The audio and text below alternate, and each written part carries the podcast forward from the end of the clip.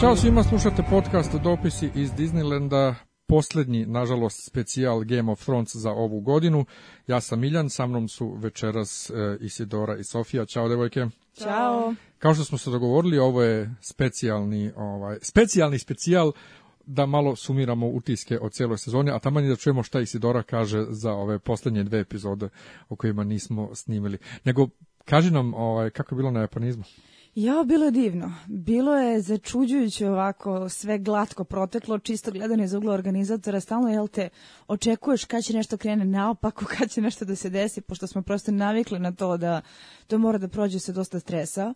Međutim, koliko god da su uh, dešavanja oko japanizma zahtevala hitne intervencije i da to onako sređujemo na brzu brzinu, sam japanizam je prošao začuđujuće bezbolno, sve je išlo kako treba, gosti su se lepo proveli, publika je uživala, bilo je onako najrazličitih sadržaja za različite interesovanja i da se svašta čuje i da se svašta vidi, ali isto tako i da se malo iskulira i da se druži.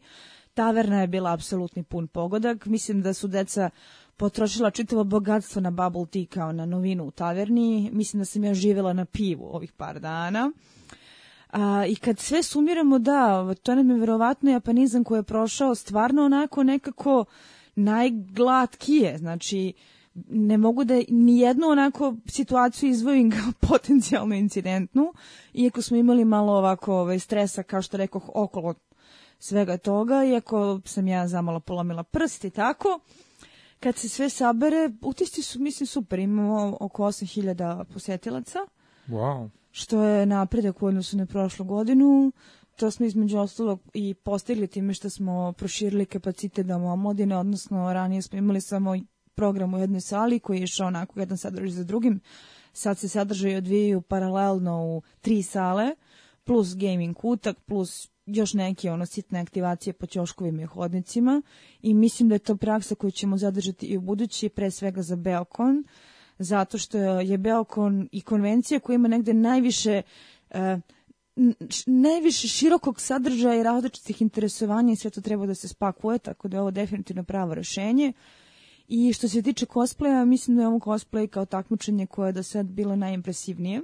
Pa vidi, okačili ste, uh, ko hoće da vidi kako je izgledao cosplay, može na YouTube-u ovaj, da nađe. Uh, vrlo zanimljivo izgleda. Ja nisam nikad gledao nikakvo cosplay takmičenje i uvek sam se pitao, vi ljudi koji se bavite cosplayem, od čega oni žive? Oni dane i dane provode praveći ove kostime. Šta, šta ti ljudi rade i šta onda na tom cosplayu uopšte rade? Šta, moraš nešto da izvodiš? Videh oni neki crtača igraju, pevaju.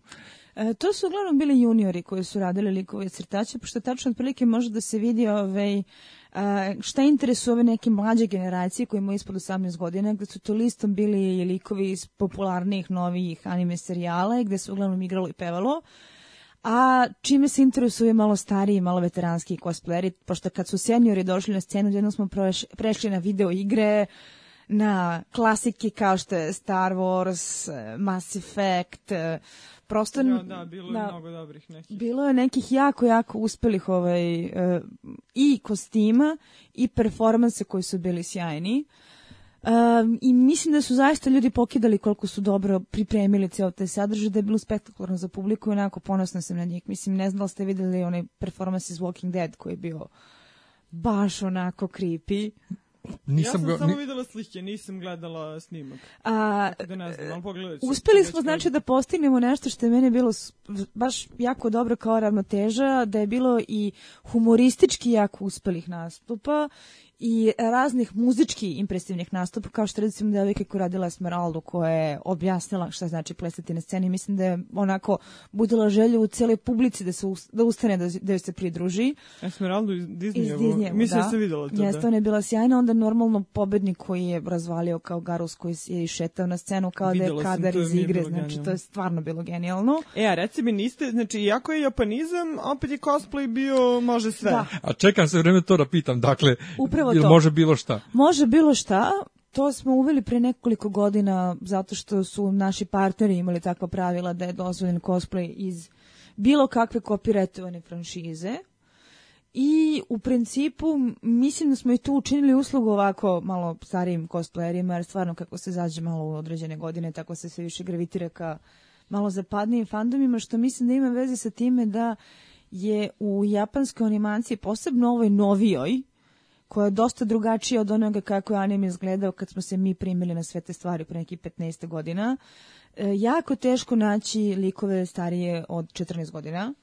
Tako da se samim tim, i ako mm. hoćete da radite cosplay, prirodno ovako se gravitira ka tim nekim zapadnim stvarima. Ove, pošto mene isto često pitaju ovaj lik koji sam radila, ova Ragio Kiryuin, baš sam se zezala da pored Cersei Lannister vjerovatno ovaj najbolji kandidat za majku godine. Ona je serije koju ja u suštini ne volim. I bila sam vrlo glasna da ne volim tu seriju. Sam me pitali kao zašto sam radila lika iz serije prema kojoj imam toliko ono uh, hejterska osjećanja da bih ja došla do odgovora da ako pogledam šta se dešava u posljednjem u japanskoj animaciji, ja ne mogu da radim 14-godišnjakinju jer bi to bilo potpuno absurdno. A sve te starije žene koje se pojavljaju su ili nečije majke koje poginu u trećoj epizodi da bi glavni junak imao bol, patnju i motivaciju za svoje dalje postupke, ili e, izgledaju kao seksi sekretarici vodeći u kojoj idem na posao. Prema pa tome, to ti je odlično, kao evo, vugla sam se za prema posao tome, ovaj, ona mi je bila super zbog toga što je jedan od redko dobro dizajniranih likova starijih od 35 godina koji mogu da izgledaju jako dobro na sceni, a opet da se uklapaju u ono što ja mogu da sa svojim godinama izvučem.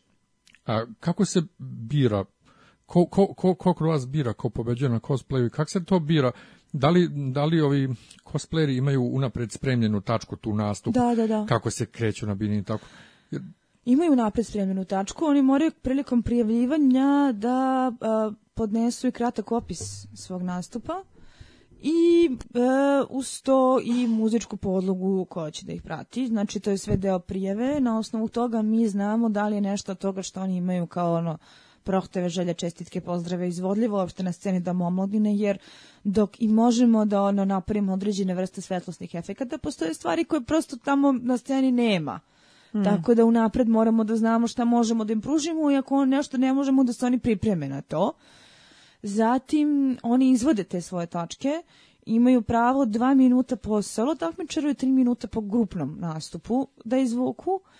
I žiri je po pravilu a, sačinjen od mahom stranih cosplayera na čemu insistiramo kako bismo izbjegli bilo kakve ovako tu, da tu bude da nekih da optužbi da. za nepotizam. U tome obično imamo jednu našu predstavnicu koja je tu već godinama i čija je uloga u žiriju više da bude neka vrsta onog posrednika u komunikaciji koja će strancima da jel te pripomogne ako treba da se prevede ili tako nešto, nego koliko je njena, njena uloga tu bitna.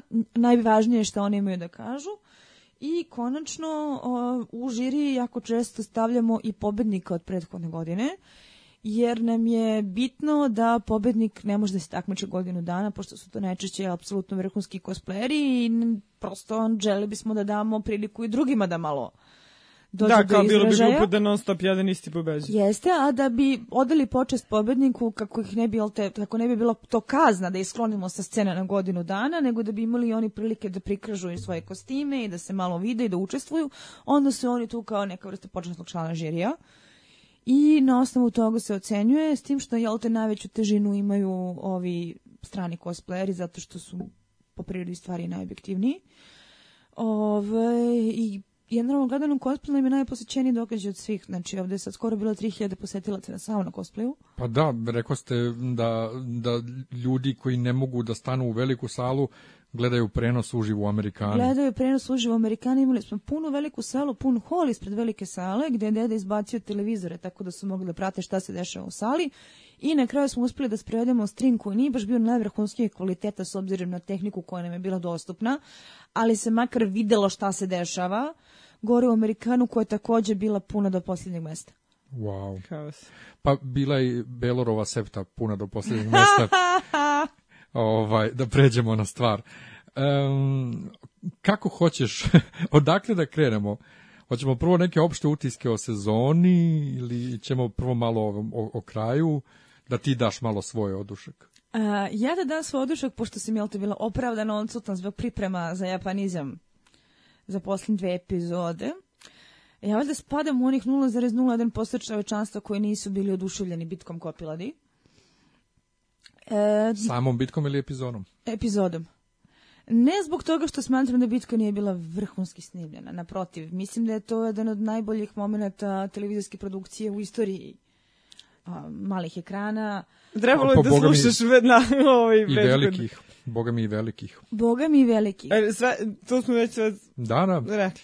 To ste već sve rekli, znači kako je to odrađeno, ta koreografija, taj osjećaj e, klaustrofobije, izgubljenosti, konfuzije, a, koliko god da se sve oko bitke dešavalo na vrlo nerealističnim osnovima, što je ono što me najviše smetalo, sama bitka imala tu jednu dozu brutalnog, prljavog, blatljivog realizma koji je baš onako bio ubedljiv i sa te strane sa počneku treba podići spomenik zaista, jer obe bitke koje su se provokli kroz epizodu, a imali smo nešto malo tabačine po Mirinu gde smo videli Zmajeve u akciji onako Ja sam se iskreno zapitao kad, kad, kad je to krenulo, kad je to bio početak epizode, čeka, ako je ovo početak epizode, šta nas očekuje u ovoj bitki? A dobro, znali smo bitki. šta nas očekuje. Ja, ni, ja nisam znala da će bude taj uvod, ali znali smo da će skoro cijela epizoda biti i ova bitka, zar ne? Pa da, da. zato sam se začudio.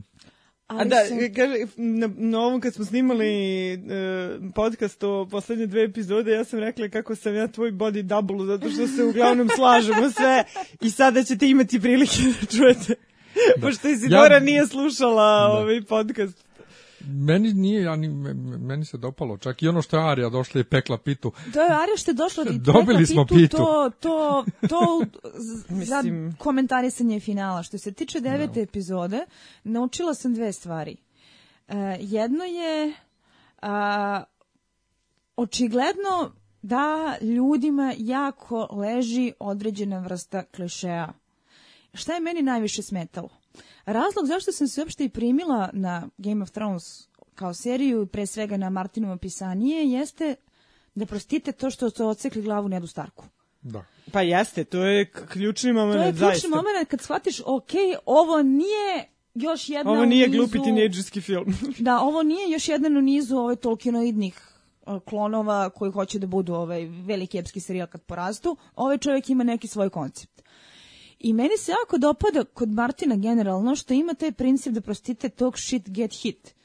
Odnosno da ima jedan taj brutalni realizam po kome pogrešne odluke vode ka neprijatnim posljedicama, gde plot armor koliko god da postoji za određene likove, a svi znamo da će Arja teško najebati jer je najomiljeniji lik njegove žene, makar se stavlja u takvu situaciju da deluje logično u priči. nije prošla ni jedna glupa, prizemna, kretenska greška, a da se glavnom liku koju je počinio nije brutalno lupala u glavu. Ono gde mi je to, e, jako smetala ova bitka Kopilad jeste što je prekršila to pravilo.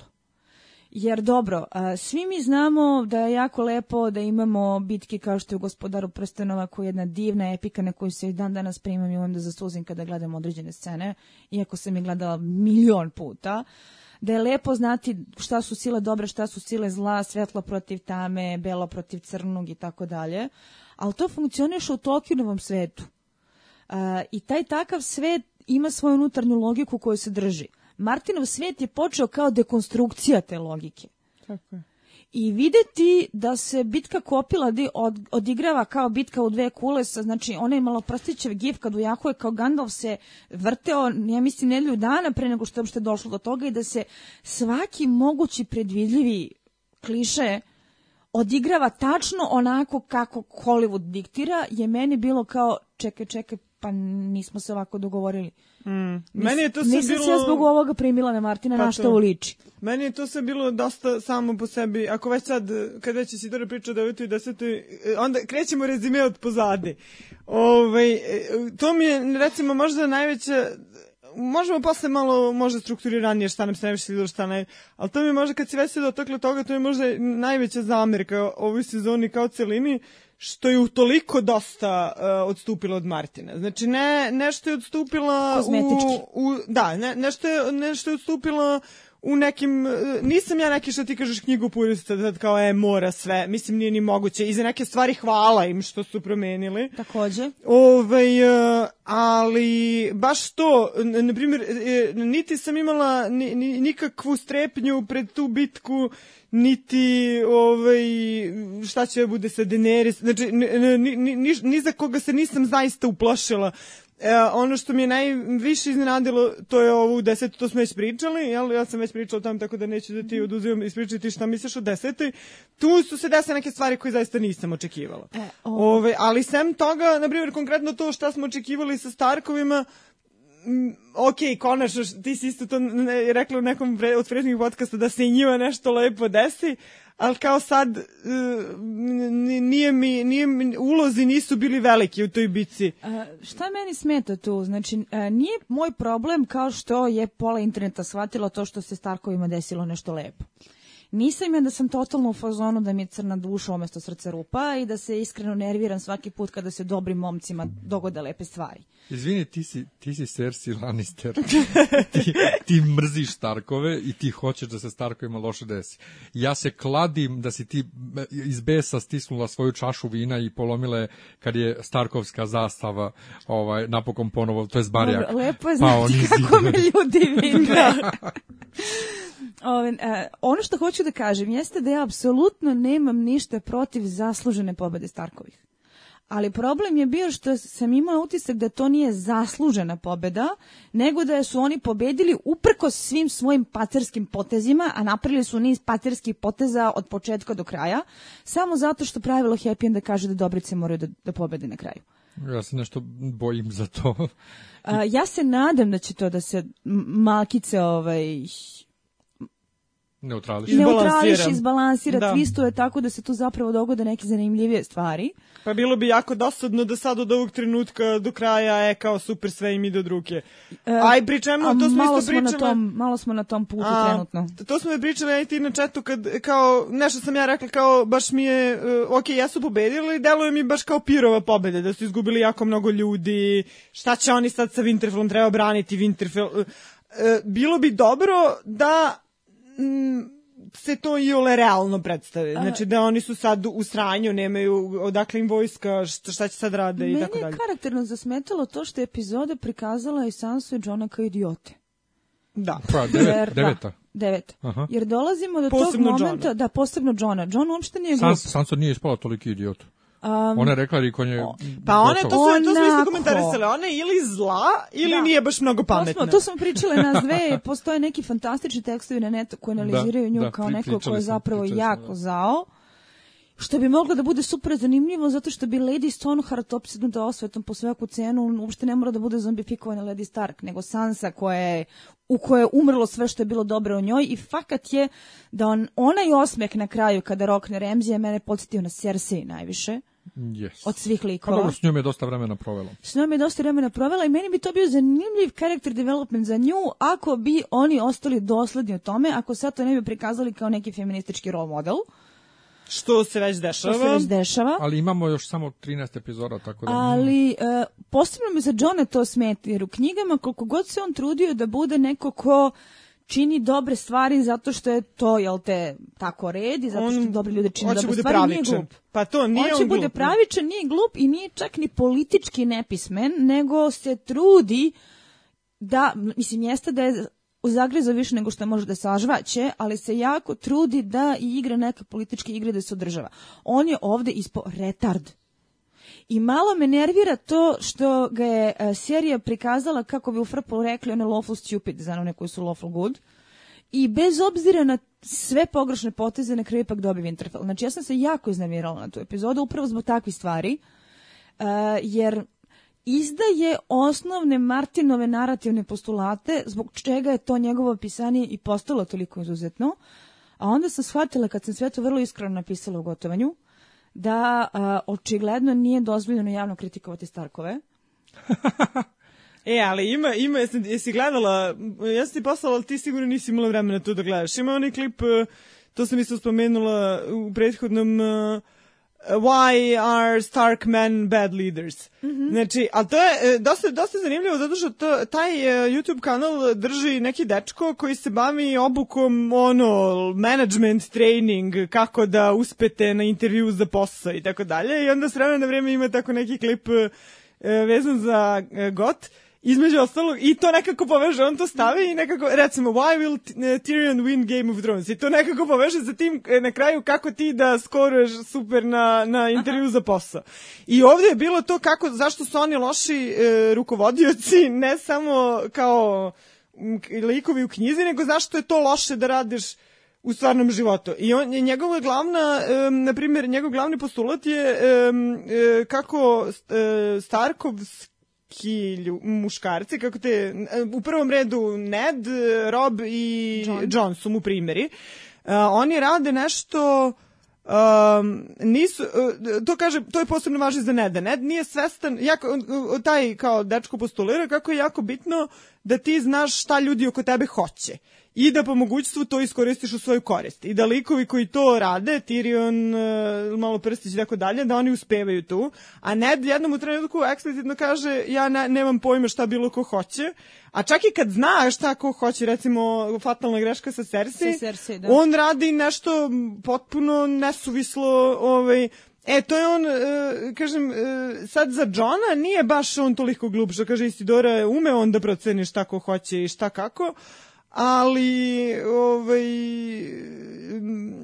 hoću da kažem, nije baš ceo internet slep za, za te greške Starkova. A, mene je zapanjila količina kurvo lanisterska komentara koje sam dobila u inbox. Kurvo Ne, da, da, ali- Brate, koliko ljudi, ali meni, koliko god mi ovde da smo naloženi, ono, got geekovi, e, mi nismo ni, ni Ne. level 3, ono, od Čisto da- milion. Da kažem nešto pa da ispričaš šta se to tačno desilo. Uh, John u knjizi uopšte nije toliko loš Nije, kao vođa. kao on ima vođa. on, Pa on ima nije on tu uspe, On ima on tu da neka po- politika, Ne, ovo, da, ono. on, on ima potpuno ispravne ideje šta i kako i zašto divljani, to je slobodan narod, mora da pređe južno od, A od to sasvim logično, nema šta drugo i, da I zašto uradi. mora da im da zemlju onu dole. I sve on to je logično, samo što su ovi gore tvrdoglavi. Nego, kakve si to pretnje dobila? Šta si dobila? Šta? U, dobila sam komentare da, ove, dobro, kurvo lanisterska. A, Svašta s- sočno. Samo psihopata može da navija za Lannistere. Um, Sever pamti. ne, e, bilo ih je onako, bilo ih je dva, tri koje su onako bila baš zanimljiva. Mada, mislim, sad je to malo... su klinci, mislim. To su klinci, sad je malo i preterujem. U principu nije ih bilo toliko mnogo. E, ipak je utršno što je na kraju preovladao glas razuma i što je veći broj komentara bila podrška na to što sam napisala u čemu je problem epizode. Ma dobro, čekaj, ali svejedno da li si dobila Ali- jedan, dva ili tri, sama ideja da ti neko šalje takve poruke zbog nečega što se napisala u nekoj TV seriji. Da, da, je da, da, da, kurvo fantastično. Kurvo Lannisterska. Ne, znači, sledeći, šta je sledeći stadion kao mrtav golub na vratima od stana, mislim, ne znam. To je mene apsolutno Mnogo ima ludi ljudi, znači, u, u fandomu. Užas. Um, ali, ajde da... Ajde, E, izvinjavamo se poštovanim slušacima, naravno ne mislimo na vas troje koji nas i dalje pratite. ovaj, hajde da krenemo sad o, o, o celoj sezoni, mada nismo se dotakli mnogo desete ne, epizode. deseta, joj. Ajde, ne kaže Ajde, ajde, desetu. ajde, vidim goriš, ajde. A, u desetoj, šta je mene potpuno oduvalo i gde sam bila srećna ko prasa? Naravno, jeste raspad događaja u King's Landingu. Jo, to je tako dobro To je urađeno. genijalno. Meni je urađeno. smetala užasno muzika. Ovaj, Tebi je smetala? Meni je Sme- recimo bila smet- fantastična. Ne, ne, smetala mi je zato što ne uklapa mi se u dosadašnji Kaže Miljan kako nije u duhu, ali meni se baš to svidelo što je različito. Znači, onog sekunda kada je počela ta melodija sa klavirom koju do sad uopšte nismo imali kao instrument, Pa da. ja sam rekla, ok, nešto se Nešto dešava. se dešava, I, upravo i, to. Sersi, i, i Sersi u Novoj haljini. Ne, ali ce, način na Haljina se šije.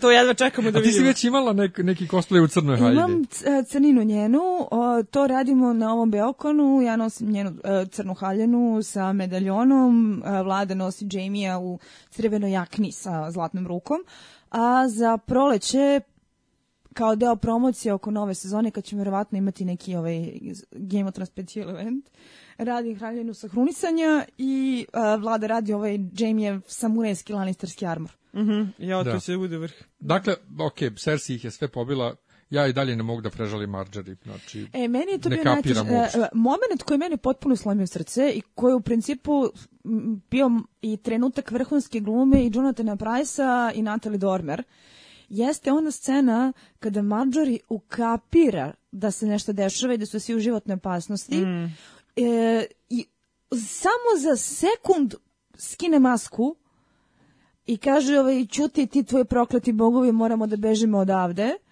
i gde a, opet vrabac ukapira da je to bila foliraža i iz čistog inata i straha od gubitka kontrole spreči evakuaciju i svi oni izginu.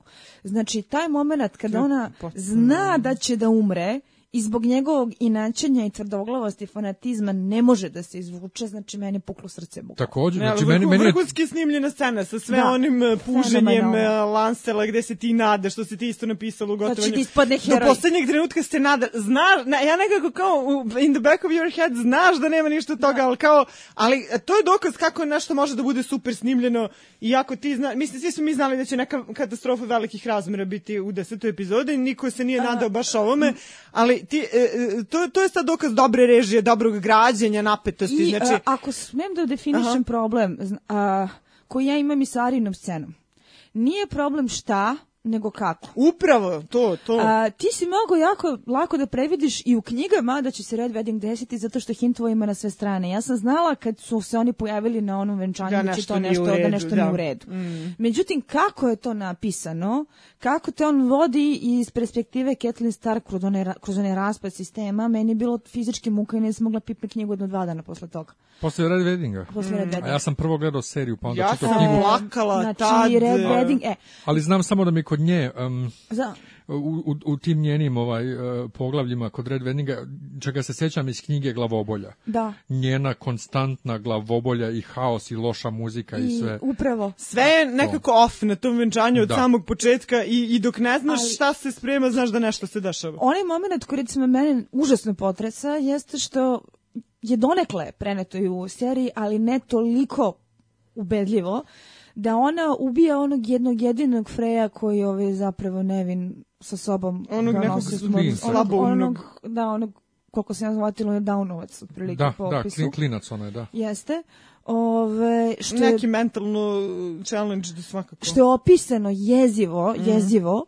Ove, I isto tako ti ovde u desetoj epizodi jasno ti je šta se desi, međutim taj kako trenutak je, je ono što te potresa. Mhm. Taj pogled između Marjorie i Dolorasa i Vrapca, Pa to. to kako se Lancel u poslednjim ono trenucima čupa da uradi pravu stvar, da ti u principu vidiš da ove, e, kao i Alistair Thorne, čak i likovi koji ti nisu simpatični, koji su kreteni, ne moraju da budu loši ljudi na neki način. Da, da, da. Ali kad vidiš on, kad, kad, kad vidiš njega u onom hodniku sa onim zelenim Lansela i znaš, i kad ti postane jasno šta E, Ne, to meni ta kako je ono, klaustrofobija, da, fenomenalno. klaustrofobija Mm. kod Marjorie kad ih opkole i ne daju im da izađu i vidiš paniku na njenom licu i znaš, i, a i dalje se nadaš jer kao ne mogu da ubiju Ja sam se Marjorie do tek poslednjeg tako. časa Ja nadala da će isto. one Loras da se izvuku. Pa da, ne, mo, ne Ja sam mislila da- kao ono, ne znam, nekako ćemo saznati da neko se izvuko. Mada, Da, i to kad sam isto vidiš, mislio, da. Kad vidiš celu eksploziju kojih je to razmera, Jasno ti je da i o, jasno ti je da nema tu šta, mislim... Ne znam, meni, evo meni To, i jer sad- nisu oduvali ceo kvart, nije samo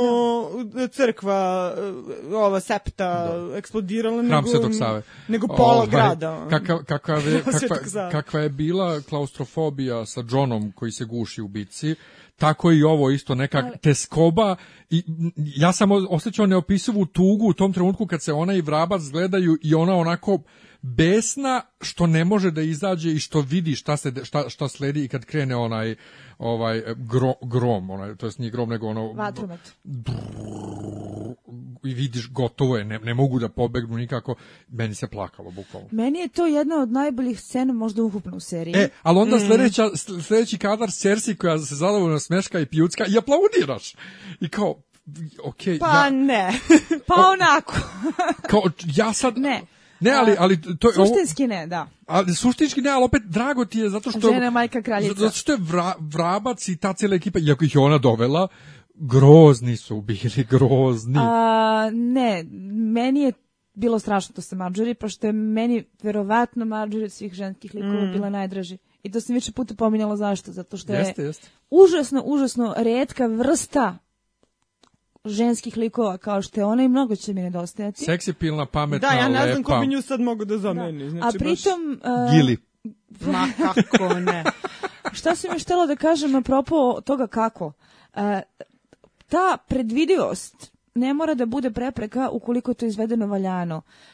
Meni je bitka Kopiladi sa kako škripala, jer je sve onako išlo ton in ton, tačno da znaš kako je i nije mi bilo dovoljno ubedljivo da mogu da poverujem u to. I Rikon koji je trči pravolinijski. I to kako mi je potpuno failovalo sa Arijom i sa Pitom. To mi je baš, to mi je, e, koliko god da mi je recimo najbolja scena sezone pojedinačna, ta ovaj, sa uh, zelenim vatrometom, najgora scena mi je Pita od Frejetine. Ali u, tu, tu je nedostajao način izgrađene A, napad. meni Da. ta scena Sa- sa, samo tako je Arijom- to ubačeno, Sa ja. Arijom predstavlja sve što ne valja sa uh, D&D hollywoodskim pristupom seri, uh, seriji. Mhm. A deseta epizoda bukvalno odiše hollywoodskim fan servisom, počev od imena epizode Winds of Winter, iako nema nigde neke posebne zime osim Beli Pa e, Gavranova. dolaze Beli Gavranovi. Osim Beli Gavranova. Ovaj, Ja sam se ponadala da će da počne ono na kraju King's Landingu da pada sneg. Pa da, ko što, je- ko što je na kraju knjizi. pete knjige. Um, ali ajde, obradit ćemo naravno i desetu epizodu kroz pojedinačne ove priče redom. Ajmo, ajde krenemo redom, eto nekako mi je Arija na A. Šta mislite o Arinoj priči Da krenemo od najgoreg. Zato Ne, što ovaj strašno. mnogi se žale da je Strašno, grozno, da je ono, grozno ali ona Ja stvarno ne shvatam, to mi je jedan od onih momenta gde ja ne shvatam kako je neko, jer kapiram da te delove priče pišu posebno šta već rade, ne znam ni ja, kako je neko pročitao to i rekao, e, super, snimajte. Ne, ne, ali mene zanima samo uh, ljudi se mnogo žale na razvoj Arije kao lika i kako se ona sad hladnokrvni ubica, bla, bla, bla. Ne, ali ona se, ali ona se i u knjizi razvija Ne, u to. a, da. a, s tim što ima jedna velika razlika. A, ti dobiješ taj moment sa pitem od Fretine kao neku vrstu comeuppance. Evo vam ga na utata i tako dalje. Ne, to je potpuno Ti besmislena že- scena po ti- sebi. Potpuno besmislena scena. Nema konteksta uopšte. Ja sam srećan što sam je video, ali van konteksta je potpuno. Da, da, tako. Zašto kažem da meni ta scena uličava sve što ne valja? Data je bez uvoda, Mm. bez logičke, logičkog obrazloženja. To je ono što sam ja ono ceo pasus a, gotovanju. Kako je za ime sveta Arya Stark od svih ljudi ispekla pitu? Kako? Onda smo, mi, onda smo mi izmišljali kako Hot Pie njen prijatelj tu u Hot krčmi Pie, pored njen prijatelj u krčmi pored, ali, to Ali, ali ajde da smo bar bilo kakav To sve hint. kažeš, zajebi bilo kakav razum, zajebi bilo kako, uh, kakav realizam koji bi tu trebalo da ti opravda to što vidiš, daj samo publici na najprizemnijem nivou tačno ono što želi da vidi. Upravo, upravo. E, ali pri tome publika koja to želi da vidi je publika koja je čitala knjige. Dakle, to nisu... Ne mora da znači. Ljudi koji Govori su se najviše radovali Pite, na pitu od Fretine su bili Starkov fanatici i ti shvatiš da je, e, da je naš položaj, draga moja Sofija, u principu vrlo zajeban, zato što moramo da balansiramo negde između besnih njegopurista koji imaju temper tantrume kada ovaj, a, a mač Artura Dejna nije dovoljno dužine u inčima na jednoj strani, a na drugoj strani imamo prosječnog gledaoca koji ti piše kurvo Lannisterska jer se ne raduješ pobedi Starkova. Ček, ček, Znači- ček. Pa šta ali reći? ko zna za pitu od, od Retine, osim E, ljudi ali rekao je? Nemanja, recimo, ja kad sam rekla, ja kad sam rekla, na prošli put kad smo snimali ovo u 9. i 10. epizodi, ja sam rekla upravo to što si ti e, sad, e, kako, e, e, meni ne smeta to što su oni, mada meni sama priča, priča kao priča iz knjige sa Pitom mi je daleko zanimljivija i bolja, ali okej, ako su htjeli da izmene da to bude Arija, nek bude to Arija, ali daj da imamo nešto, Daj da neki nagoveštaj, bilo kako neko zrno kako je do građe- toga došlo, Kako jer- do toga došlo. jer, e, A onda je Nemanja rekao, ja sam rekla kao, znaš, jer ti kao gledalac serije koji nemaš pojma ništa o knjizi, e, kao prvo ti si uskraćen za tu onda priču, ok, nije ni bitno, ali daj da, mislim, oni su neke stvari iz knjige izmenili dosta uspešno, kao što rekoh, i dosta su uh, uh, uh, pokazali da mogu da iskoriste neke elemente iz knjige, da ne baš 100% verno prenesu, ali da opet stvore neku uverljivu priču. Pa isto to je moglo da se uradi ovde. Ok, ako hoćemo da Arija bude ta koja će to da uradi, ajde da imamo da je ona došla malo ranije u Riverlands, Da pa da tu ima videli neke recimo da smo pa nešto. Videli kod Hot Paja.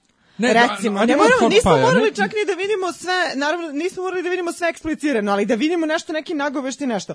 A onda je Nemelja rekao, ma daj, kao sa tim pitamo, već smaraju, znaš, po internetu, ne, Ne, znam ni ja koliko. mnogo Internet je bo- mnogo zeznu stvar. Jeste, ali mnogo bi bolje bilo recimo da se desilo sledeće da su oni nju da su u, u dve scene u, u, u blizancima nju stavili u prvu da vidimo kako ona služi Jamie i Brona, da vidimo da je ona tu kao ona devojka kao, kao, kao koja se predstavljala. Nego ona se nije otkud pojavljala Da. i, i ta pita, ja, ja sam i dalje ubeđen da koliko god da sam ja srećan Kad, što smo kad dobili pre, znaš, kad... što smo dobili pitu, Da. što um, prosečan gledalac neće imati pojma značaj te pite za priču. Pa neće, da. I niš, ništa mu neće znači. Ne znam, meni je, kažem ti, ta scena mi simboliše sve što je pošlo naopako sa hollywoodizacijom narativa. Uh, data je isključivo da bi se titralo po jajcima najprizemnijim mogućim nagonima kod publike, a zato je žrtvovan karakterni razvoj, zato je žrtvovan logika, zato je žrtvovan neki klasičan ono uzročno poslednički lanac događaja koji bi nam dao ta realizam koji je upravo ono što je i prodalo seriju sa zmajevima i belohodačima kao nešto što je zapravo karakterna drama. Mm. Da. I baš mi onako usralo ceo doživljaj A poslednje meni je, epizode. brate, i antiklimaktičan način da se ubije Valder Frey. Očekivala sam neku zanimljiviju intrigu oko toga. A, Ne, meni je super da ona njega zakolje kao što Okej je da ona njega zak- zakolje, zaklala. međutim, kažem ti, baš da to tako bude, ta, s neba pa u rebra palo s Marsa, Da, mi je bez veze. potpuno kretenski i e, malo počinje da me ozbiljno nervira to što se to sve doživljava kao jej, go Arija, kako je ona bila samo bedes, kako je to bilo do jaja, u principu niko ne uzima u obzir da je to jedna devojčica u tineđerskom uzrastu koja je ona dva odraslog čoveka ubila, istranžirala, ispekla u pitu i poslužila drugome. Da, da, da. E, jer meni je Arija od celog svog razvoja u poslednje vreme, jedini trenutak kad mi je zapravo izaz- izazvala neki, neku empatiju da se ja vežem za taj njen lik, onda kad se raspala kod Lady Grey. Jer Lady Crane je tu data kao majčinska figura i tu tek vidimo koliko je Arija neko ko je a, ostao surovo uskraćen za normalnost, za detinjstvo, za roditelje, za tu neku toplinu i koliko je i dalje gladna toga, a sama sebe ubeđuje da nije. I ta neka ranjivost mi je rekla kao jebote ovo ipak dete crno dete je da ti neko napravi neku toplu subicu i da te ušuška jer očigledno je da ti to treba. A ne ove cice ubice bez lice koji ide u nakole peče ljude u pite. Nekako mi je to Cice lica. pojeftinilo jako ovaj njen lik i baš mi se ne, ne sviđa. Znači, Mm. Arijin karakterni razvoj mi je totalno ono na skali od 1 do 10 minus 2. Ne, u, u, ali cijela Ali e, sezona... što se samog što se samog karakternog razvoja tiče, on manje više prati ono iz knjige. Znači ona se pretvara u, S u tim to što, što u knjizi ti imaš mnogo više momenata kad kažeš jebote ovo nije cool. Da, a da, serija- ima, u knjizi je to jako U- jako je e, namerno uznemirujuće. podvučeno, uznemirujuće. Da. A serija te mnogo više vozi na ovaj, a sad ćemo svi da aplaudiramo jer je ovaj ove, da. e, Arija ispekla pitu. To ti predstavlja kao nešto što ti treba da bude wow moment, Mm. a ne nešto što kažeš Isuse, ste li vi svesni da je ona dete? Mm, ne, upravo si potpuno. Kažem, ali, ali jako je čudan njen razvoj uopšte ove sezone. Peta sezona se završila time što je ona vrlo uspešno se maskirala onu devojčicu iz kasapila Merina Tranta i kažnjena zbog toga. Dakle, kao profi ubica, a onda ova sezona počinje onim Karate Kid momentima beskrajnim, koji se završili neuspešno i onda odjednom ona na kraju e, putuje po Westerosu i ima ima lica sa sobom. li limit, znači, e, Op, e, a, šta, to je to što kako? kažemo da e, e, nije problem tu što se ona teleportovala u Riverlands. Nije se teleportovala, to je prošlo ajde mnogo kao mi da pretpostavimo da je prošlo x meseci. Jeste, nije znači, e, iako i taj njihov zvanični uh, moment kad su dali objašnjenje šta se dešava sa teleportovanjem stoji, ako objašnjenje postoji ne znači da je ubedljivo, odnosno ako toliko ga zloupotreblja, zloupotrebljavaju da ti onako ubija suspension of disbelief i deluje naglo previše za određene likove u određenim situacijama, možda bi malo trebalo da porazmisle kako da to isprave u, Pa sledećim dobro, i dalje sezonama. bolje nego beskrajno putovanje, ali znači ja sam u prošlom podcastu ovaj rekao, o, oni su ranije već jednom pričali na temu Gavranova, zašto, kako u seriji Gavranovi tako brzo stižu s porukama, znaš. To isto oni kažu, prođe dosta vremena. Tako da meni je ovo sasvim okej, samo da ne gledam ne kako putuju. meni je, brate, I da se ne susreću svi u onoj kafani. Znaš ona kafana gde se svi Naravno, susreću? Samo, na putu. samo da se tu više ne susreću. A, problem je meni mnogo više nešto, jel te ona tako brzo stigla od tačke A do tačke B, nego što je bez konteksta stigla od tačke A do ona, tačke B. da, da, da, to, to, to tek. Pri tome Arija nikakav razvoj nije imala u ovoj sezoni. Nikakav. Ona je samo ravna linija bila ove A, odnosno, a, u jednom trenutku kad se pomislu da će razvoja biti, vratili su te tačno tamo odakle su počeli, onda dolazimo to džaba ste krečili momenta, katastrofa. Da. Ja ne znam, brate, zašto je nisu isekli. Prosto, ako su isekli Brena iz prošle sezone, jer su zaključili nema potrebe, mogli su nju da iseku skroz kao što je i u nje jako malo ima u, u poslednjim knjigama. Znači, ima svega par poglavlja. Ovde sasvim dovoljno bi bilo da su bacili par scena i ako su već htjeli da se kao Deus Ex Machina pojavljuje, da to bude još neočekivanije. ono, E, kao upravo to, da je bilo, znaš, da je kao, bilo ovaj. mnogo manje, onda bi verovatno i scena pojavljivanja van konteksta bila ubedljivija. onda bi bilo kao, ovako, Jeste, da. samo što suviše je popularan lik da bi izbacili. Ne znam. Pa, ja ne znam, to mislim. njeno hendlovanje mi je bilo Sa tim sam jako nezadovoljna. jako, jako loše. Da, Šta kažemo se. za Sansu? Sansa je završila, počela četvrtu sezonu, uh, ne četvrtu sezonu, negdje sredinom četvrte sezonu. Oni bila, su pobegli, to je- bila je, ne, ne, bila je Dark Sansa, pa je onda Aha, da. odjednom udata i silovana i, i vratila se prividno na staru Sansu, međutim vidjeli smo mi da ona planira nešto, iako je sva uceljena, onda su pobegli i sad ova sezona, Mrtvo iznutra. ova sezona, meni je zanimljiva, meni je zanimljiva bila Meni Sansa ove sezone. Ne znam. e, Jedino gde sam jako razočaran je što sam ja u desetoj e, epizodi, pogotovo kad sam video preview za desetu epizodu da ona i John razgovaraju, očekivao neko objašnjenje zašto ona njemu nije rekla, Nije za, rekla, za, da. za, za Littlefingera, umjesto toga dobili smo samo jedno izvini. Dobili E, smo je jebi ga, brate. Eto jebi ga, Jebi ga, brate, izvini. Baš tako. A on još gore kao, dobro, nema veze. Ne, on je... Bitno da se mi volimo. Bitno da se mi volimo. To kao, e, e, dobro, on je kao malo čita, ne možeš da kriješ bla bla od mene, imamo toliko neprijatelja, ali u suštini i taj razgovor mi je bio onako me, ništa... A, I ne znam, meni je Sansa iz romana verovatno najdraži ženski lik, mo, ubedljivo najdraži Stark u svakom slučaju. Naročito kad se ofarba i postane Alena, onda Jeste ona preuzima tu da, ulogu. počinje da. igra igru i mi vidimo opet da ona može da izraste nekoga ko će biti najpribližniji Marjorie serije. Zato je na meni uvek bila zanimljiva i nekako se navijala na- na- za nju, kao što stalno kažem, zato što su mi išli na živce oni koji smatraju da devojčice moraju da budu subverzivne da bi bile zanimljive i da nije okej za žensko da ovaj, voli lepe aljene i da bude romantična. Tako da sam se negde prvo iz inata vezala za nju, a onda sam shvatila da može da izraste u jako, jako interesantnog igrača. Ta Sansa i Sansa iz serije su dve osobe i to je možda meni jedan od najdrastičnijih primjera koliko se karakteri razlikuju između knjige i serije, a da pritom nije reč o liku kao što je Marjorie koja je praktično u, se, u knjizi samo senka, a ovde je izgurana u jednog od najzanimljivijih likova koji se pojavljuju. Što se ove Sanse tiče, ne znam šta da kažem, iskreno, malo je čurkastija nego što bih rekla, e, što, što, što bi bilo bilo poželjno. poželjno, hvala Sofija. A, malo ima te neke kratkovide, kratkoročne poteze.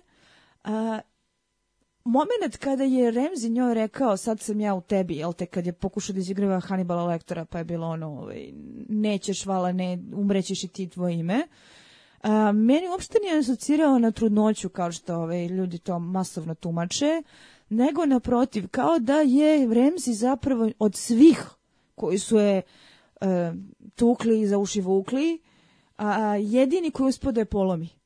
Tako da ona ostane oštećena i tako da postane neko ko je bio u stanju da čoveka baci kerovima, gleda kako kerovi kidaju i, i pritom se smeška kao Cersei. Ume Ramsey to. He Ume gets Ramsey under to. your skin. He gets under your Pun skin. intended. vrlo. Ove, I e, da mi se čini da bi čak taj razvoj Sanse u jednog toksično mračnog lika mogu da bude zanimljiv. Zanimljiviji ljudi- nego da ostave ovako kakva jeste. E, Što, e, ono što sam ne zaboravila se kaže to u prošlom podcastu, ali sad kao dobar šlagvord. Apropo Sanse, ja se razmišljala to, kad smo pričali m, o, Starkovi, o, o Starkovskom moralu i na koji način e, to što je ono radila Remziju prkosi tome, znači Ned nikad tako nešto ne bi radio, Rob nikad tako to, nešto ne ali, bi radio. ali, ali Remzi bi. ali Caitlyn bi. To, Ono što sam ja, To sam ja e, to da zaboravila. kažem, znači, da. Caitlyn ima tu osvetoljubivu, glupu osvetoljubivu crtu, skoro kao Cersei, znači nema velike razlike između Caitlyn i Cersei, znači one su zapravo celo to sranje i napravile, sad ovo užasno mizogino, što ću da kažem, ali e, k- k- e, ono, š- e, dosta puta je rečeno za Cersei, doći ćemo i do nje, jel, kako je njena jedina osobina koja neki način iskupljuje ta njena majčinska ljubav i tako isto i za Caitlyn.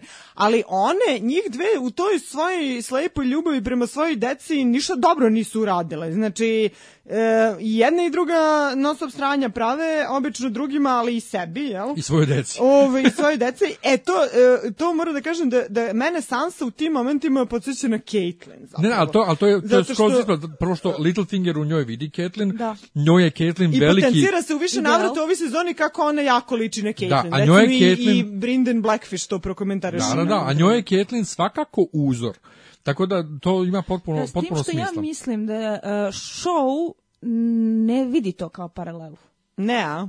A, Ne zbog toga što je Caitlyn u seriji prikazana kao dosta pozitivnija osoba nego u knjizi, zato što u knjizi ona ima one momente koji su onako kulturno isečeni, kao na primjer kada Bran padne kroz prozor, on Johnu kaže bolje bi bilo da ste bio ti. Da, da, ona mrzi Johna otvoreno. To sve nismo... Čekaj, to nema... u- Nema u seriji.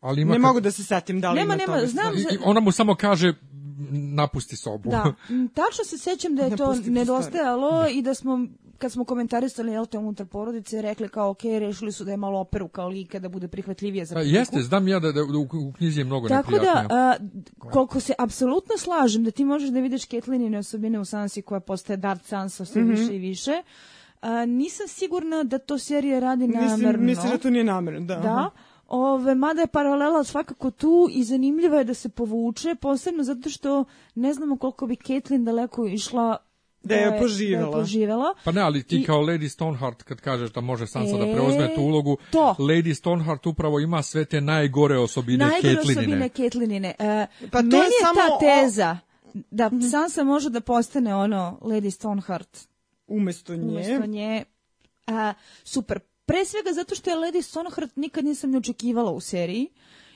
Onog je sekunda nekako Ja je kada sam- smo- suvišno sad, Jeste. ja bih rekla. Ne, sad je već kasno, sad, sad, sad je ni ne želim, ali Lina, Lina Hidi nas je toliko prvo zavukla, prvo što ona dva meseca pre ove epizode The Viper and the Mountain okačila sliku e, na Instagram gde ona ovom Ono, glumcu, da. glumcu što glumi Oberina pritišća oči on kao vrišti, ovaj, spoiler, spoiler, a onda je okačila kameno srce i napisala My Little Stone Heart. I svi smo se primili, je, Lady Stoneheart će biti u seriji kao prc. Znaš ti, Cersei, Cersei troluje znam, ljude ja, po ja, Instagramu. meni se iskreno taj moment nije toliko mnogo svideo ni u knjizi, iz prostog razloga što mi je to jedna od onih stvari čemu sad ovo, šta će meni se to dopalo, taj moment. I onda s te strane mi nije nešto falilo u Znaš seriji. kako- Meni se je taj moment ovaj, jako trenutak u dopao. Taj trenutak u knjigama je bilo, oh, ne mogu da E. verujem, a onda u četvrtoj knjizi kao, what the Dobro. fuck, šta je ovo? A, to je onaj moment kod kažeš jebote što bi ovo bila dobra fora, pa je uradiš, izvedeš je, pa publika kaže wow, a onda posle neko vremena bude ono kao ok, now we have to live with this twist i šta ćemo doći da radimo s Pa da, on, ona je grozna u četvrtoj knjizi, mislim, bez veze je potpuno. Ja mislim da je to jedna od onih stvari gde Martin prosto više, on tu ne zna šta će s tim. Ma da, Mislim, da. to nije jedna stvar, to nije usamljena stvar, ima jako mnogo toga. Zbog toga ja kažem da neke stvari mi nisu uh, falile u seriji i to, to je jedna od tih stvari. Definitivno mi ne fale Lady Stoneheart, ali da na neki način naprave neku subverziju što ti kažeš da to sad inkorporiraju nekako u Sansino ponašanje, tipa da ona sad dobije tu malo po malo iracionalno svetoljubivu Samo će crtu. to pre biti Arija koja ide okolo A, da, ali se vraćamo na ono, a, ako razmišljaš iz perspektive hollywoodskih producenata, koji znaju da a, čiste desetke na IMDb-u dobiju epizode u koje Starkovi pobeđuju zato Da, što da. je to... A to sad Da. će da bude skroz glupo Jeste. ako to bude... A ja se malo toga bojim. Zato što se, e, očigledno je da dobar deo odluka sada kada nemamo izvorni materijal, oni formiraju na osnovu toga šta publika želi. Kako me to nervira. Jer to tako znači, funkcioniše? u- u ho- znam, znam, meni to užasno ide na živce. A, gde ja već sad imam gard od toga da nešto što zapravo može da se izvuče kao jedna vrhunska, onako šekspirijanska karakterna drama, kako smo recimo dobili sa Cersei u šestoj sezoni, pa u, donekle i sa Jamiem koga su iščupali na kraju kao lika. To je sad najbolja priča, To je naj, ubedljivo. ubedljivo Mhm. najjača priča. A, da ovde koliko god da ima potencijal da se neće usuditi da odu u tako mračne vode, daj Bože da greši. Ja se, ja, ja se i dalje bojim uopšte bilo kakve priče o bilo kakvom razvoju, bilo čemu, zašto imamo samo još 13 epizoda. Da. Tu ne može Bog zna šta da se desi. A pri tome su u ovoj sezoni vrlo pokazali da, da nisu zainteresovani za razvoj raznih restlova, sve su posekli, osta, o- ostalo je nešto par pričica koje imaju. Nego ajmo dalje, e, što smo Arya Sansa, Daenerys. E, njena priča je završena, e, dakle, u- kraj, ne, kraj pete Konačno sezone. su krenuli. Kraj pete sezone, kraj pete sezone bio kraj onoga u knjigama što imamo i ovo je komplet sve e, novo izmišljen materijal. Um, Bla. um, Bla. Jedino što Jel imamo meni... nešto da komentarišemo osim Perike? Ne, meni je jedino što je tu u I svemu opet to... smo komentarisali Brožu. Jedino što je u svemu tome dobro je što je napokon krenulo u Westeros. Jer se- Mirinski da- čvor, e, ako neko je pominjao Mirinski čvor, e, oni su ga vrlo efikasno presekli. Da, tako Jeste, kažem. presekli su ga, slažem se sa time, a, dobili smo da je Jara na njenoj strani, što je super I da je ona nova interesantno. ljubavna- je to zapravo zanimljivo, e, da. Hoćeš iskreno? A ako treba da se smuva s Jarom, da se ne bi smuvala sa Johnom, neka budu Ali- srećne i dugovečne. Pa ja ne bih da se smuva ženom jer on je, ona mu je tetka. E, Kad je to bio problem za Targarijene? Pa da. Njima je to čak e, Plus. poželjno. Da, ali ovaj... Mislim bi- da neće savremena publika reagovati. To ako, ako, kažeš, ako ti kažeš, a verujem da jeste tako, da se rukovode time šta publika hoće, Publika neće. hoće njih dvoje zajedno. Johna i Danny. Misliš? Ja mislim da je to ipak previše malo off. Ako kad Johna i ukapiraju da je moja znači, tetka. a, kad gledaš koji su najpopularniji parovi, a, ako manemo Jamie i Brienne koji su ono, a, Tu mora nešto da bude. Da. A, u stvari ne znam da li će tu nešto da bude ili će recimo tu kao relativno sportnu priču da ove otore u tragediju, vidjet ćemo. Ajde dođemo da prognoziramo na kraju parovi. Ove, a, najpopularnija dva para su John i Sansa. Ja, i bože, Johnny to je još bolesnije. Ne, ja, na, pa to, je- to je manje bolesno nego John i Danny. Nije, i podjednako je bolesno. Oni su brati i sestre od tetke, a Daenerys mu je tetka. Pa- Brate, dajte nekog da nije u krvnom srodstvu, ne znam. Pa dobro, ali to je u srednjem veku i u, ovim s- Jeste, se, semitskim znam, društvima znam, je to danas jasno, dan jasno. normalno. Ali ovaj em, šta, šta će sad da se desi s Daenerys? Ona je sad na putu u Westeros, ona će stići u Dornu recimo, E, Mislim da će ovako, pošto svaka sezona mora ima nekog svog velikog negativca. Sljedeći veliki negativac je Cersei. I, Littlefinger. I Littlefinger. I Euron. Mislim da će da će da, Da. će da će Littlefinger ostati za sedmu sezonu, da- za osmu sezonu poslednju, a da će Cersei da sklone u sledećoj sezoni. da.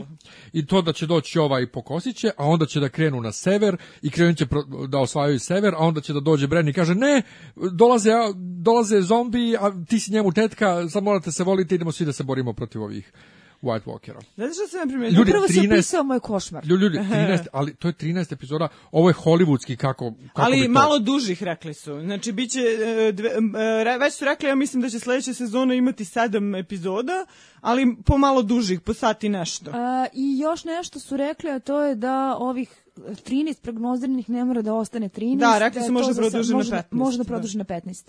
Pa i dalje 15. To je- Do 75 sati su rekli. Kao. Meni, je, meni je to sve nekako zastrašujuće, kako, kako oni sad planiraju da završe sve to. E, ali a, meni nije toliko, jer su Meni oni nije, da, tako dosta više. počistili scenu. Mislim da je ova sezona koja je najviše promenila scenu Landscape, da. landscape. Što si Da, ti da. rekla gvozdenom metalom. Da. Šta se ti nadaš za, za, za dalje za Daenerys za priču?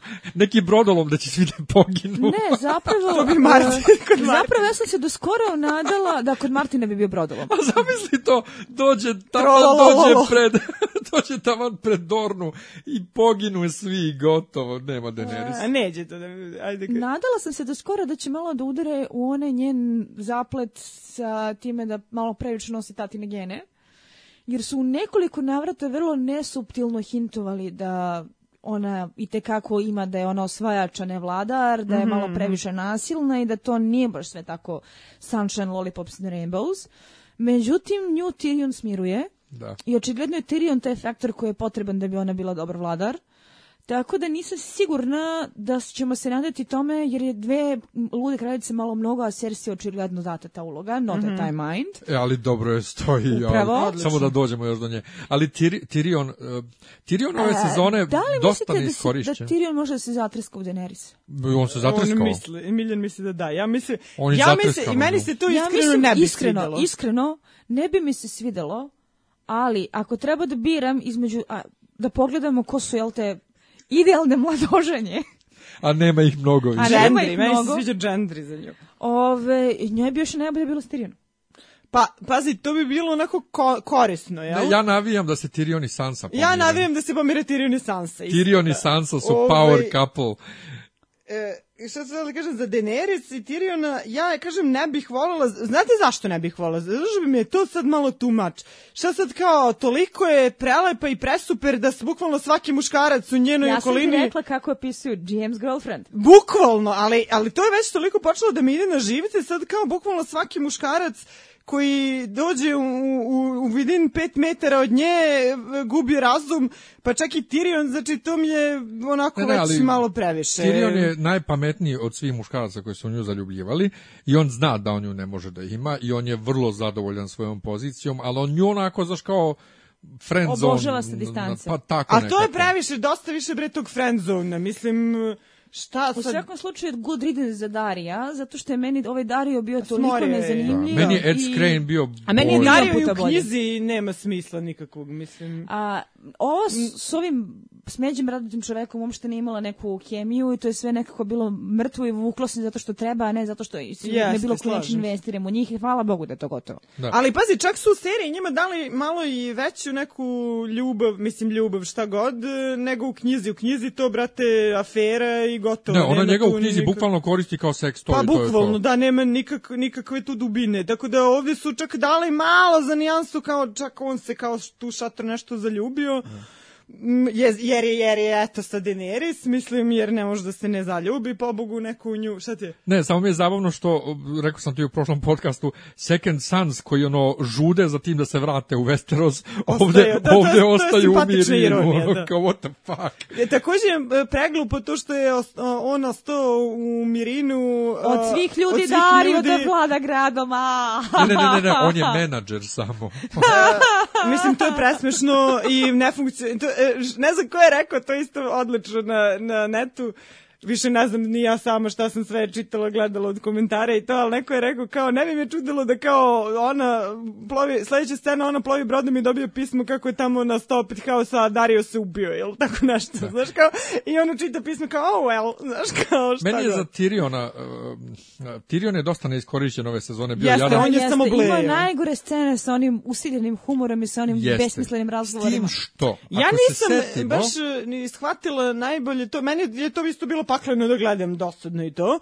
Ali ja mislim da su oni, da ih malo operamo, mislim da su bar malo hteli da dočaraju taj, to neprijatnost i to, da to treba da bude dosadno. Znači ne, da, da do- malo dočaraju taj... E, A, postoje nedosadni način da se prikaže dosadan. pa dobro, i to je Ne, tačno. ali ti da. imaš... Um, Imam utisak da je to se, kao bila ideja. se uh, Tyrionove priče u knjigama. Dakle, mi u knjigama još nismo, Jebote. još nismo ni doživeli da on stigne do Daenerys. Nismo. On je tamo zarobljen, zarobljen je, on je rob i sve vreme ide okolo i govori where do horse go, where do horse go. E, to je još jedna stvar Ovde je to mnogo bolje da urađeno, jer, jer isečena. ta Da, dosada, jer ta dosada koja je ovde predstavljena je nama služila da vidimo, e, što za Ariju nisu uradili za neke priče, dakle izgradnja, ovdje su izgrađivali kako je on dobar kao, kao kraljeva desnica, mada smo to videli već u drugoj sezoni, Mhm. ovaj, ali da se setimo kako je Tyrion dobar savjetnik i on dobar menadžer i ok, sad kad je ona njega postavila za kraljevu desnicu, nama je to potpuno logično i To je ovaj, To je super, bio katarzičan moment Jeste, kada je da. okačila onu... o- To je meni isto bilo malo, ja. Jeste. Znači, ja sam jedva čekala njega ponovo da vidim u toj nekoj ulozi od kad je pobegao iz King's Landinga, zato što stvarno čovek ume. blista u takvim ulogama Da. i zadovoljstvo ga je gledati. Tako da što se Tyriona tiče, koliko god da se vuka, on na kraju je došao tamo gde treba da bude. A što se tiče Daenerys, mnja, ja sam toliko postala neinvestirana u njenu sudbinu, da ukoliko već neće da prave od nje negativca, što bi imalo šanse da iskupi lig, ovako makar možda bude na placeholder za ostatak priče. Ja ne želim da ona sedne na gvozdeni presto zato što se za to navija od početka. To bi bilo predosadno. Jednostavno ne želim to, ali sam ali ovaj doći ćemo još do Johna, ima onih e, promo slika od pre par sezona što su imali, pa je John sedeo isto na tronu, pa sam biti kako može John. E, ljudi, svako ko je seo na gvozdeni presto od Erisa je poginuo. Znači, Fakat. a, i u svakoj e, sezoni smo po jednu kralje izgubili. Znači, Fakat. a, znači ko je sad ceo Cersei, znači nju gubimo u sledećoj sezoni 100%. Da, da, ja isto mislim da je Ne, ona, Ovaj, ona, ona je svoje ispunila. Ovaj, ali, uh, hoću da kažem, ja bih hvala, recimo, uh, kad već smo došli do toga ko će sedeti na gvozdenom tronu, ja bih hvala da se tu desi nešto skroz drugo u smislu da, Ne bude trona? da, da, da, Da, ja- neki, neki, da. neka skroz revolucija se desi u smislu, ne da uvedu demokratiju. ili nešto tako, ali da bude neka ogromna promena. Ne, Znači, ne, pa složila biće, bih se. biće, jer setite se, setite se Daenerisinog sna koji je u knjizi dosta drugačiji i detaljniji. U odnosu na seriju, ali u seriji je lepo snimljen njen san, ona hoda kroz uh, Ja se toga više ni ne sećam. kroz dvoranu sa prestolom gde Da. koja je razlupana i pada sneg. Pada sneg, jeste, Izbušen je krov, zapravo. pada sneg, e, zidovi su je. nagaravljeni, Da. a tron onako delo Ja vrlo jadno. nešto imam utice da će to da bude sledeće sezone, da će Cersei tu da sjebe sve, da će to biti posljednji njen čin. Neka da će gore da svetovi kad nisu ni valjali, Da, a? da, da. Kao da, da, da. King's Landing Nego više neće biti, King's- ne samo da neće biti prestonice, nego neće biti ono ni kao selo, ruina će biti. Kad smo kod gubljenja kralja, Tomen i, i njegov uh, uh, lik. On je u knjizi Mu, naravno dosta drugačiji i od početka do kraja dečak koji voli svoje mačiće i tako. A ovde je naglo ovde naglo postaren, on je bio to malo buckasto dete koje je u drugoj sezoni treba da jaše ono konja pa ne ume pa ga Joffrey nešto kudi, a onda su odjednom kad su shvatili da on treba da postane kralj, kao da nisu čitali knjige, u, treba nam Nije neko stariji, isključeno. treba nam neko stariji i onda su uzeli jednog od one dvojice dece što ih. Karstarkovi Lannistera, pobiju. da. Da, što i, i ok, onda on ovaj, ima seks sa Marjorie i šta već. E, on je bio dosadnikav lik i, i sve do ove poslednje svoje scene koju je mali odglumio stvarno fenomenalno. I opet ta gluma bez reči, to je fenomenalno Meni odrađeno. je u toj sceni najbolji moment onog klong kada ostavi krunu. Da, da, Pa da, znači da. vrhunski. I uopšte što Mislim, nije- to, to stvarno treba gledati u kontekstu celog tog... Da. Znači, meni je bilo... I što Znači- nije naglašen on, što nije on kao on naglašen, nego prizor, prozor. Dakle, on samo izađe iz kadra i ponovo uđe. Da, znači, to mi je, e, vrhunski je snimljeno pre svega, a kod drugog, to sam već rekla kad smo pričali o desetoj epizodi, to mi je ubedljivo najsvetliji trenutak tog glumca. Mislim, lik je nebitan potpuno i uloga mu je nepostojeća, sem da zauzimaš da kaže Isidora placeholder. Tu on je kralj. Ne, ne znam šta bih rekla za tome na sem... Um, Pa Jebi meni ga, ga je dete. bilo žao, zato što se videlo Meni da je bilo mladi, žao isto. videlo se da svi manipulišu njime, i Da. majka, i Marjorie, i Vera, i svakoga je vukla na Definitivno naj... Šta će on mučenik pa nije- 13 ne- ne, godina, Ne možemo 12, reći za 13 Mirselu, godina. za Mirselu ništa loše, ne možemo reći, ali ono kao od ove dece e, Lannisterske kojom smo se bavili, jadan stvarno Pa dobar. i Mirsela po onome što smo pa i vidjeli je bila Mirsela, ta deca u stvari nisu Da. loša uopšte, osim Joffrey, ali... Verovatno su povukli malo više Ne, ali nije ni. Joffrey, nije ni Joffrey po sebi toliko Joffrey bio je loš. Njega čudovište. su, njega su uništili Kako Robert, nije? pa uništili Je, su ga njega Robert, Robert jebe u zdrav mozak. Jeste, da. Dobro, uništili su ga zajedno roditelji, Pa to da, da, da, da, ali... Njega je Robert jako jebe u zdrav mozak i mislim da se to baš posebno vidi u onim prvim sezonama, na što se nije toliko obraćala pažnja. Ne znam da se vi slažete sa time kad smo se već dotakli malo tako ovaj Skačemo. ranijih Da, da. ovaj, ne, ne, priča. sve, sve pričamo. e, da je Robert prikazan kao mnogo veće govedo nego što je bio u knjigama u seriji. Pa, Robert nije baš najsvetliji lik ni u da, knjigama. Nisam ga njega ni u da, knjigama mi doživao njega bolje. U knjigama Ne. vidimo uglavnom iz nedove perspektive gdje A Ned se njega Ned idealizuje. trudi da u njemu vidi svog drugara iz mladosti, a ne čoveka koji je postao, dok ovdje kada malo izbegavamo tu perspektivu, pa ne vidimo žovijalnog kralja koji uživa u životu, vidimo bre jedno... On je užasan otac i užasan... Ne, on je baš užasan govedo. otac i užasan muž. Užasan muž, užasan otac koji Cersei jako maltretira, Maltretira, da. i koji Joffrija u principu maltretira da sam ja doživjela da je dosta te Joffrijeve tvrdoći i surovosti rezultat toga što je slušao od oca šta pravi muškarac treba da bude i pokušava je. da mu se dokaže, a otac ga je. nije fermao. A Tako, ga mislim, je Joffrey je bio toliko pono, ne znam da smo mi to ovdje, smo mi to u ovom podcastu pričali. Jesmo, prošlo- da, ja sam ti- to rekla. pričala, znači, da. ja sam podvukla to. Pričali smo o uh, nasleđivanju Da, pričat ćemo o tome i Baratheonima, sad, bla, bla, pa sam ja rekla kako za zvanična priča, dobro sad dece više nema, ali zvanična priča za celo kraljevstvo i dalje bila da su deca Robertova. Serstina deca Robertova, to Robertova, su da. Baratheoni i da je e, Joffrey bio jako ponosan Na na, na oca, da, znači ja, ima čak onaj moment u seriji kad on nešto Tajvinu prebaci kao šta ti, kao ti si došao kasno, moj otac je dobio rat. e. Znači to je jako zanimljivo, taj njegov Da, da, odnos da. sa Robertom i nedovoljno istraženo. Ali za Roberta, kad već što kaže Isidora se vraćamo, Robert nije, e, mi na početku vidimo Roberta kao tog nekog e, kakvog se Roberta Ned seća zapravo iz mladosti, jer oni se jako dugo nisu videli, jel, do, dok Da. on ne dođe u Winterfell, da je on bio taj heroj, bla, bla.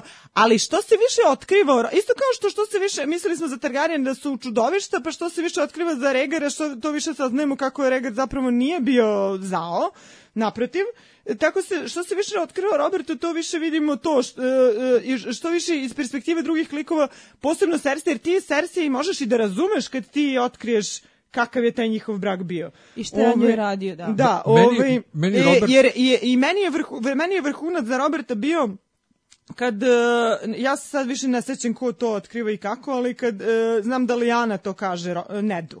A sad ko se toga seća i kako, mi, Da. kako čitala se to sazna, ne mogu više da se setim, ali znam da Lijana kaže Nedu kako Robert nije baš e, on tako zlatan kao što ti misliš i neće on meni biti veran u braku, to već znam. Kao, ona je već znala, jer ona je već saznala za neki, nje- nekoliki njegove bastarde i onda je njoj Ned nešto rekao da to, ali to je drugo, vi kad budete bili zajedno, bla bla, onda Lejana kaže kao, kao Vuk dlaku menja, ali čud nikad no. taj fazon, kao neće, neće se on promeniti ni u braku.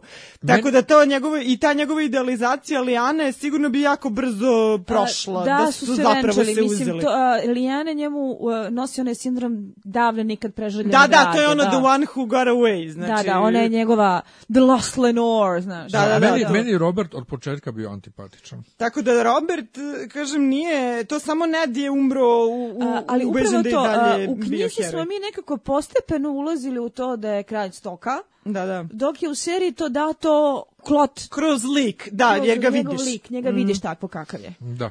E, dakle, ok, Tomen uh, Cersei. Tako možda da hoću da kažem, pored roditelja takvih, ta deca još nisu bila ni loša mučena. Znači, Pa da, ali- Mirsela, ali ja za ne mogu- i u knjizi pričaju kako je divna, pametna, Pa da. super, ovi u Dorni su svi oduševljeni njome. Ove, i, a u seriji čak i, i Cersei kaže za nju kad je donesu Da, mrtvu da da je- je, bila mnogo bolja od nje. Da, da je bila kao ja, samo bez moje zlobe, nikad u životu loše nešto nije Da, da. pomislila. Meni je Mirsela bila inače preslatka u sceni svoje smrti, kada Jamie kaže ako si mi ti otac, nemam ništa protiv, bolje si bi bio otac nego što, što bi bio Robert.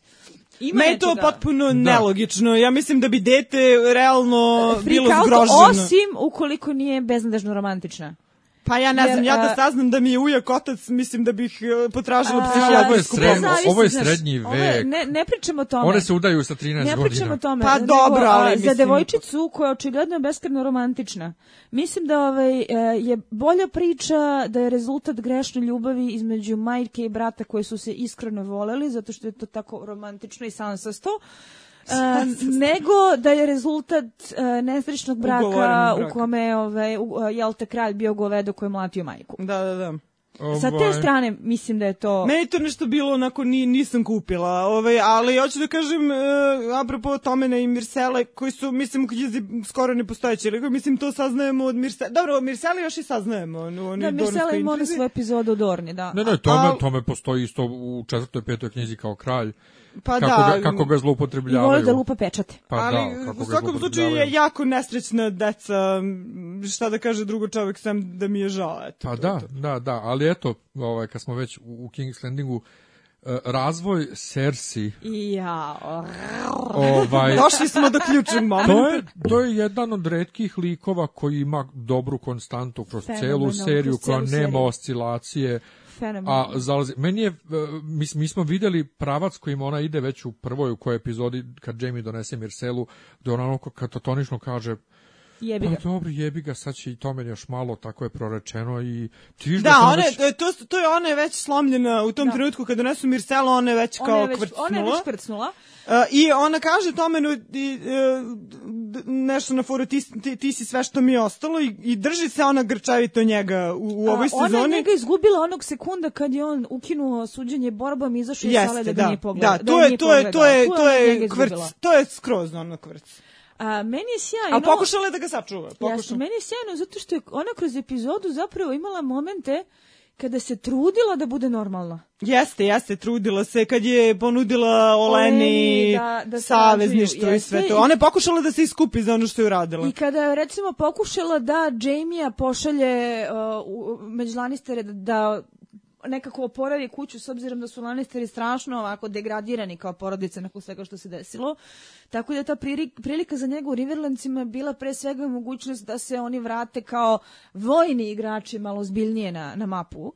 I u principu pokušavala je da bude normalna, ali ti vidiš da se to kuva, ti vidiš da se to kuva. I to, ja mislim da je, recimo, nju Olena onako kako je isprozivala i oduvala negde jako ovaj, gurnula preko ivice. To je bio, ja mislim, Da. konačni trenutak. To je bio trenutak jedan od odluke. konačnih, da, jed, jedan od konačnih trenutaka. Tad je Le što- rešila da će ih sve dići u vazduha, ne Da. samo vrapci. Uh, ti imaš momente kada ti uh, nekoga možeš da guraš u ulogu negativca i da ga prezireš i da ga prozivaš, ali ako ga gurneš previše preko ivice, bude mnogo gadno. Tako da ja mislim da je Olena sama sebi velikim delom kumovala za sve što se dogodilo, time što je onako izvređila i to ako se sjećate i kad smo gledali svoje vremeno, sam Rekla rekla, da. Olenu će ovo skupo da košta. Da, da. Ali ja nisam i dalje očekivao ovoliko. Ove, i ne znam, meni je to jedna šekspirijenska priča savršena. Jer Kao ti- Macbeth, mene kao. Macbeth. Jer ti vidiš da imaš jednu ženu koja je od početka bila puna određenih ambicija i e, užasno frustrirana zato što su je iz najrazličitijih razloga stalno satirali, gurali, a, marginalizovali, maltretirali, da je svašta istrpela da je daleko od toga da je anđeo, ali da je volila tu svoju decu, da se zapravo borila za njih i da je htjela nešto. I sad cijelog veka je htjela da bude kraljica. Cijelog veka je htjela da se pita, cijelog veka je htjela da šefuje.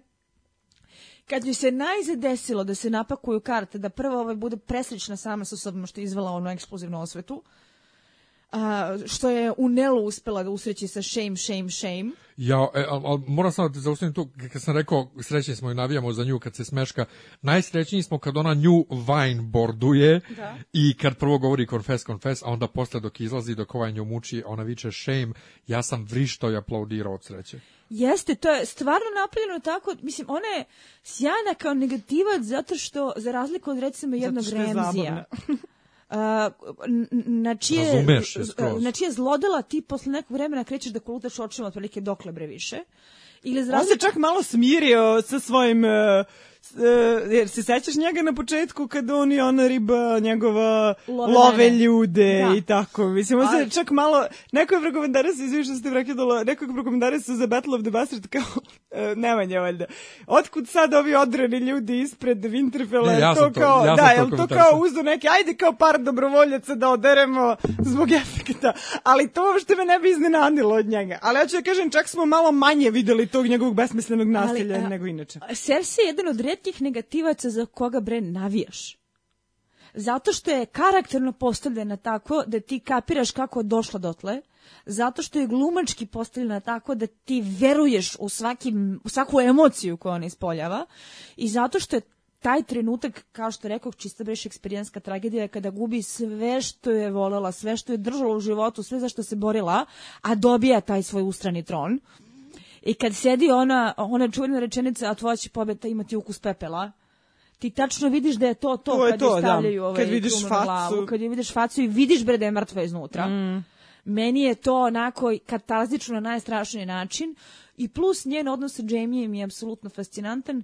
Možda mi je čak i zanimljiviji kako je ovde razvijan nego u knjizi, mada sam dugo gunđala zašto su Jesi. njih ostavljali uh, u srećnom odnosu uh, za razliku Ali od sad knjiga. ima smisla. Da, sad ima smisla, gde su se raspadali. A, u knjizi su se one raspali, jel te, zbog njegove obsesivne ljubomore i zbog njenih ambicije koje nije mogu da trpi, ali sve nekako to bilo onako prizemno, ljudski, pomalo trivialno. Ovde gde su do poslednjeg časa čuvali tu njegovu lojalnost i zaljubljenost u nju, a, i gde mu se dešava da mu voljena sestra najbukvalnije eksplodira u lice, i da je uradila ono što nije pošlo za ruke jel te ludom kralju zato što ga je on sprečio žrtvujući, žrtvujući zbog toga svoje ime, svoju čast i sve ostalo, a da mu je Cersei to napakovala, meni je to ono tragedija prvoklasna. Jeste, Odlično, znači meni je Cersei je. jedan od likova koji mi je, e, moram da kažem, drastično bolje odražen u seriji nego u knjizi. Znači, Složila bih se. a, u knjizi ti jako slabo možeš da imaš empatije sa njom, uprko svemu u tome sa Zato što je Robertom zla glupa ćurka. Upravo, zato što je mnogo gluplja nekako i uh, ne samo što je mnogo gluplja, cela ta intriga koju ona napravi nije toliko različita od ovoga što se desi u seriji malo su tu izmenili neke stvari, sad da ne davimo Pojednostavili su oko toga, pojednostavili su, da, ubacili su Loresa i tako ne, neke druge momente, ali e, Cersei um, tokom tog svog pokušaja da nešto tu vlada u knjizi, meni ostavlja utisak to što je sad Isidora rekla glupa ćurka, I kao na kraju, nju kad slome, ona je slomljena i ti na kraju knjige ništa, ja iskreno ne očekujem ništa nešto ovog tipa od Cersei iz knjige. Vidjet ćemo, Biće, ne biće znam 100%. šta će biti, ali hoću da kažem, e, ova Cersei iz serije od samog početka dala zbog Line Hidi koja je jako simpatična i jako je dobro igra ili zbog toga što je i pisanje bolje, mislim bolje, izvukli su najbolje momente iz knjige i nekako produbili i ovo je sad ovaj deo kog, nemamo, kog nema u knjigama. E, ona mi je, ne mogu da kažem ni u jednom trenutku, ja stvarno ne mogu da kažem da ja ni u jednom trenutku ne navijam za nju, ali jako volim da je gledam. Znači, jako volim sve scene s njom, volim sve što se dešavalo I uh, ovo, ta priča sa Cersei i Jamijem mi je u ovoj seriji ubedljivo najbolja. Znači, Apsolutno. sve ukupno i, o, i u- ono malo što su izvukli iz knjiga kad on ide u Riverlands. E, njegova epizoda u Deliverance je divna i njegovo raskantavanje Yes. sa Brijenom je divno. To je i Stoneheart, bolela. ono je bilo genijalno odrađeno. I odlično odigrano, super su oni. Duša sve me bolela kad Ali oni sve to ukupno, znači, uh, to mi je naj, uh, ubedljivo najbolji plotline U ove seriji. sezone. U sezoni, da. u seriji sad ne mogu više ni da se setim, ali definitivno najbolji ove sezone. Ajmo onda na Jamija. Jamija. Za Jamija smo gunđali e, pola sezone što su ga nekako vratili malo unazad na onog iz Yes. prve sezone što kaže fuck everyone who's not us i ne znam ja šta je se Jeste, rekao. a sad smo sve to nadoknadili. Ovaj, ali je doživeo novu, pa nije to, nije, nije- ja mislim da on nije doživeo nikakvu novu katarzu, nego jednostavno po, vratio mu se fokus. Čim, je, čim se o, o, čim se skloni od Cersei vrati mu se neki normalan fokus šta i kako. I meni je taj susret sa Brijenom i kako on pusti njih da pobegnu mene, mene to tako mi je srce parajuće ali kod Gwendolyn Christie pričali smo o tome kad je zaigra usna. Ne znam, Jamie. Jamie je najbolji primjer, ja mislim, po meni iz knjiga i serija svih vremena, da da neko ko u prvoj epizodi, u prvom susretu kad ga vidiš gurne dete sa jebene kule, da ti posle navijaš za njega i ko je, i čak si u fazonu to dete posle toliko napravilo stranja što ga nije ubio jebote. E, imaš jedan od najboljih komentara na internetima vezan za ove Jamie kad kaže svaka rasprava o Game of Thronesu se kad tad svede na to ako dovoljno dugo traje da je Jamie najbolji lik. Ali jeste, Ali Ali jeste. Jamie mu je ubedljivo jedan od najbolje izvedenih likova. Mislim, Ako meni je ne toliko najbolji. tragično što njega, što, nje, što celo jebeno carstvo, uključujući fucking Voldera Freya, seru po njemu što je on Kingslayer. Pri tome, e, on, on je... Kao Ali on je bio klinac e, i to Da. isto nikako mu ne ali On on je- 17 godina. Da, e, kad ček, ali, ali on je kao Kingslayer, on je po, poga- pogazio svoju zakletvu. Čekaj, Ned Stark i Robert su isto pogazili svoje zakletve tako što su podigli protiv tog istog Erisa ovaj, pobunu i njih dvojica bi ga Ali takođe on ga je čuvao ubilo. do posle... Znaš kako su oni to radili? Pa mislim, znaš, sigurno jer si čitao knjige. Tywin Lannister je nešto ušao u rat u poslednjem trenutku. Znači, baš ono kad su već pobeđivali i šta već. A Jamie, pošto je bio Kingsguard, on ga je zvanično sve vreme čuvao. Znači, on nije se odmetnuo pa otišao u vojsku, pobunjeničku, niti bilo šta, nego je on sve vreme bio tu na dvoru. I samo je došao i ubio ga tu kad je bio Jeste, ali nema veze, ali ti nemaš pravo da Ove- sereš po nekome što je pogazio svoju zakletvu kad jeste, se ti isto pogazio. sa te viteške tačke gledišta to jeste nečasno. Ti, mislim, dizali su bune i to, bune protiv Dahije i tako dalje, ali to nije isto kao da ubiješ kralja kog si se zakleo da ćeš da čuvaš, znaš. Ali oni su se isto zakleli pa tom kralju. nije isto, jebi ga, nije isto, meni nije isto. Ja Sve jedno, to. ali, ali, ali da je neko ko je ostao bio veran do kraja kralju, ko nije digao pobunu, sere po džemiju, ajde. Ali baš dva čoveka koji su krenuli tog istog kralja da ubiju svakako, pff, izvini brate, ni Ned Stark ni Robert nemaju, Ali kako ne razumeš? Mislim, ja razumem. A, da, pa ne razume, se, oni učinili njima Zato svima su, uslugu. ne, on je isto njima učinio uslugu, ali uvek je jako lako ovaj, pljuvati onoga koji je negde najočiglednije I najviše a, isprlja najviše ruke. isprlja ruke. Jer on je njima olakšao zapravo. A, mislim da je njega ukupalo ne čak to li što je ubio Erisa, nego što je seo na tron.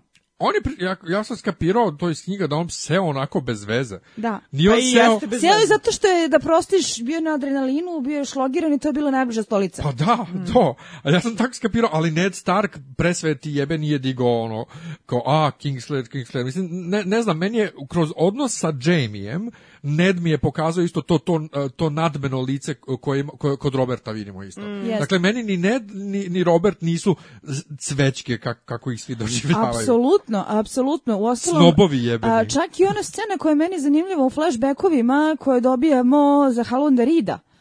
Da jel te ovaj, on je Da navodno pobedio autora Dejna, a da je on ispričao ovome uh, Brenu svoje vremeno, da je zvanična verzija događaja bila da nije bilo Howlanda Rida da bi ovaj izgubio bitku. Ali nikada nije rekao da su roknuli Howlanda Rida s leđa. Da, to i dalje ne znamo Ne u Rida, knjigama. nego Da, ne Dena, u Dena. knjigama. Taj da- Tower Joy i dalje- Ja sam opet rekla Dena. Ne, ne, rekla si Rida. da su Ja Rida. sam malo umorna, znaš, još uvijek sam ušla. Nije rekla, je tačno. Ne, ne, rekla je da su Howlanda E, Rida kad smo roknuli Hau, s kod leđa. Howlanda Rida, uh, prije nego što zaboravim, uh, pošto Howland Reed je u knjigama jedina i dalje živa osoba koja može da posvedoči Jeste. uh, čiji je otac John, znači ko su roditelji Johnu. Uh, jel njega imamo u seriji, jel on živ, A, jel on ga se neko pominje spominje? da je živ, ali pominje se da je živ kada su se pre mnogo sezona prvi put pojavili Da, Mira da. i ovaj kako Šta mislite, da li će, šta mislite, da li će onda se pojavi ili će Mira, da, ili Mira ipak nešto zna? Ne, hoćete iskreno, ja mislim da Littlefinger zna. Misliš? Da. Aha, a kako bi on to mogao da zna? A, Kad Postoje- samo ova dvojica znaju bukvalno. postoje momenti u koje, jel te, ovaj, sad možemo sad elaborirati sad da to postaje domen fantazije, ali ja se apsolutno sećam onog trenutka kada Sansa priča o tome kako ovaj silovao i oteo Jeste, tetku se ja toga, da. i on je pogledao u fazonu, aha, jeste, jeste. Ima neki pogled, Ima da. neki pogled koji jasno ukazuje na to da on čovjek zna šta se zapravo dogodilo. Ali on je mogao da zna da su oni bili zaljubljeni. Bilo je još svedoka. Aha. Šta ćemo sa ženom koja se pojavljuje Jeste, tamo? žena se pojavljuje, da. Koja žena? Babica, Babica. šta već. A, pa, neko je komentarisao da njih Ned pobio. To je neko komentarisao kao sad Ned mora njih da pobije, ali nešto ja ne verujem Znači, ja ne vjerujem da će ovaj Ned to da uradi tek tako. Ove, a, a dovoljno je znači da se tu izvuku neke informacije, jer ona nije bila sasvim sama u tom zamku. Da. Da. Kao teorije da će, jedna od teorije da će Sam da nađe neke kao podatke tamo u onoj biblioteci, šta kao izvod iz matičnih knjige rođenih. Da. mislim. U biblioteci koja nije da oba, zapri- ko, ko- nisu obavestili. To je najbitnija stvar e, koju niko nikad nigde ne bi zapisao, jer ako ne, znači ne, ne verujem da je poslao kao što rekao izvod iz materije, lažira izvod iz matične knjige rođenih i ta služavka što je tamo je šatro majka ili nešto. E, Ali kad smo, kod, kad smo već kod Tower of Joy, uh, šta mislite šta se zapravo desilo između Regara i Lijane? ja mislim da su E, bili I zadovoljni. da li je sada John Targaryensko kopile ili je full ne, blooded ja mislim da je Targaryen? full blooded Targaryen zbog toga što se njima moglo da imaju više žena, kao E, što to, smo imali to. i prilike da ranije vidimo. To. Ja ne verujem da bi, znači, e, ako već komentarišemo ukupan razvoj cele priče, ne verujem da bi oni uopšte uvodili tako nešto da se on je ženio, ali mi je delovao ako neko ko će se oženiti njome zbog svoje obsesije proročanstvima i svemu ostalo. E sada, šta se A i tu bilo bi glupo da, da, da, da, da Johna od jednog kopileta zamene samo da je drugo, do drugo kopile. kopile, jeste. Šta se tu zapravo desilo, ne znamo. A, ne znam ni da li ćemo saznati. Ja sam čitala, pošto je to ove fan fikcija mene fascinira, a, ne samo zbog toga šta ljudi pišu, nego kako to pišu, odnosno kako svoje želje, čestitke, pozdrave i tumačenje narativa projektuju na to kako uzimaju priču od autora i prisvajaju je i tumače onako kako njima odgovara. Tako da ja jako često prolazim kroz fan fikciju prosto da bih videla kuda se kreću stremljanje fandoma i šta su neki ono vox populi kad je to u pitanju. Postoje teorije od toga, znači nikad nije kidnapovanje, uvek je ona voljno krenula sa Ja sam njime. i dalje ubeđen da, da on nju nije kidnapovao. Da, i to ja Jeste? mislim svi misle. Teorija To da je to bila velika ljubav, misle. pa do teorija da je ona bila mlada i divlja i pomalo romantična, a da je on bio opsednut proročanstvom i da je bio čudan i da je A bio je bilo proročanstvo beše? lako sociopata. Da zmaj ima tri glave, e, što od Elije nije mogao da dobije zato što Elija je bila krtkog zdravlja i zato što je nakon što je rodila malog Egona otvoreno rečeno da više neće moći da ima dece. A, I da je Aha, on, on je hteo još jedno hteo još dete. jedno dete. I da je on navodno opsednut tim nekim stvarima koje je našao u spisima i hteo da, da ima to još jedno dete. Mi imamo onaj moment koji su, jel te, ove raznorazne čitače Susana a, prostudirali šta je zapravo ona rekla, koje mu pravo ime, tako da ove izgleda ćemo uskoro imati You Know Nothing Jaehaerys Targaryen. Ali, što se same Tower of Joy scene tiče, tu moram da kažem nešto. Preteško je reći da me razočarala, jer nije. Jer nemam šta da joj zamerim. Sve je urađeno ko što je Bog zapovedio. A, nemam nijedan trenutak za koji ću da lupam glavom i da vičem šta, š- š- šta ovo radi ovde.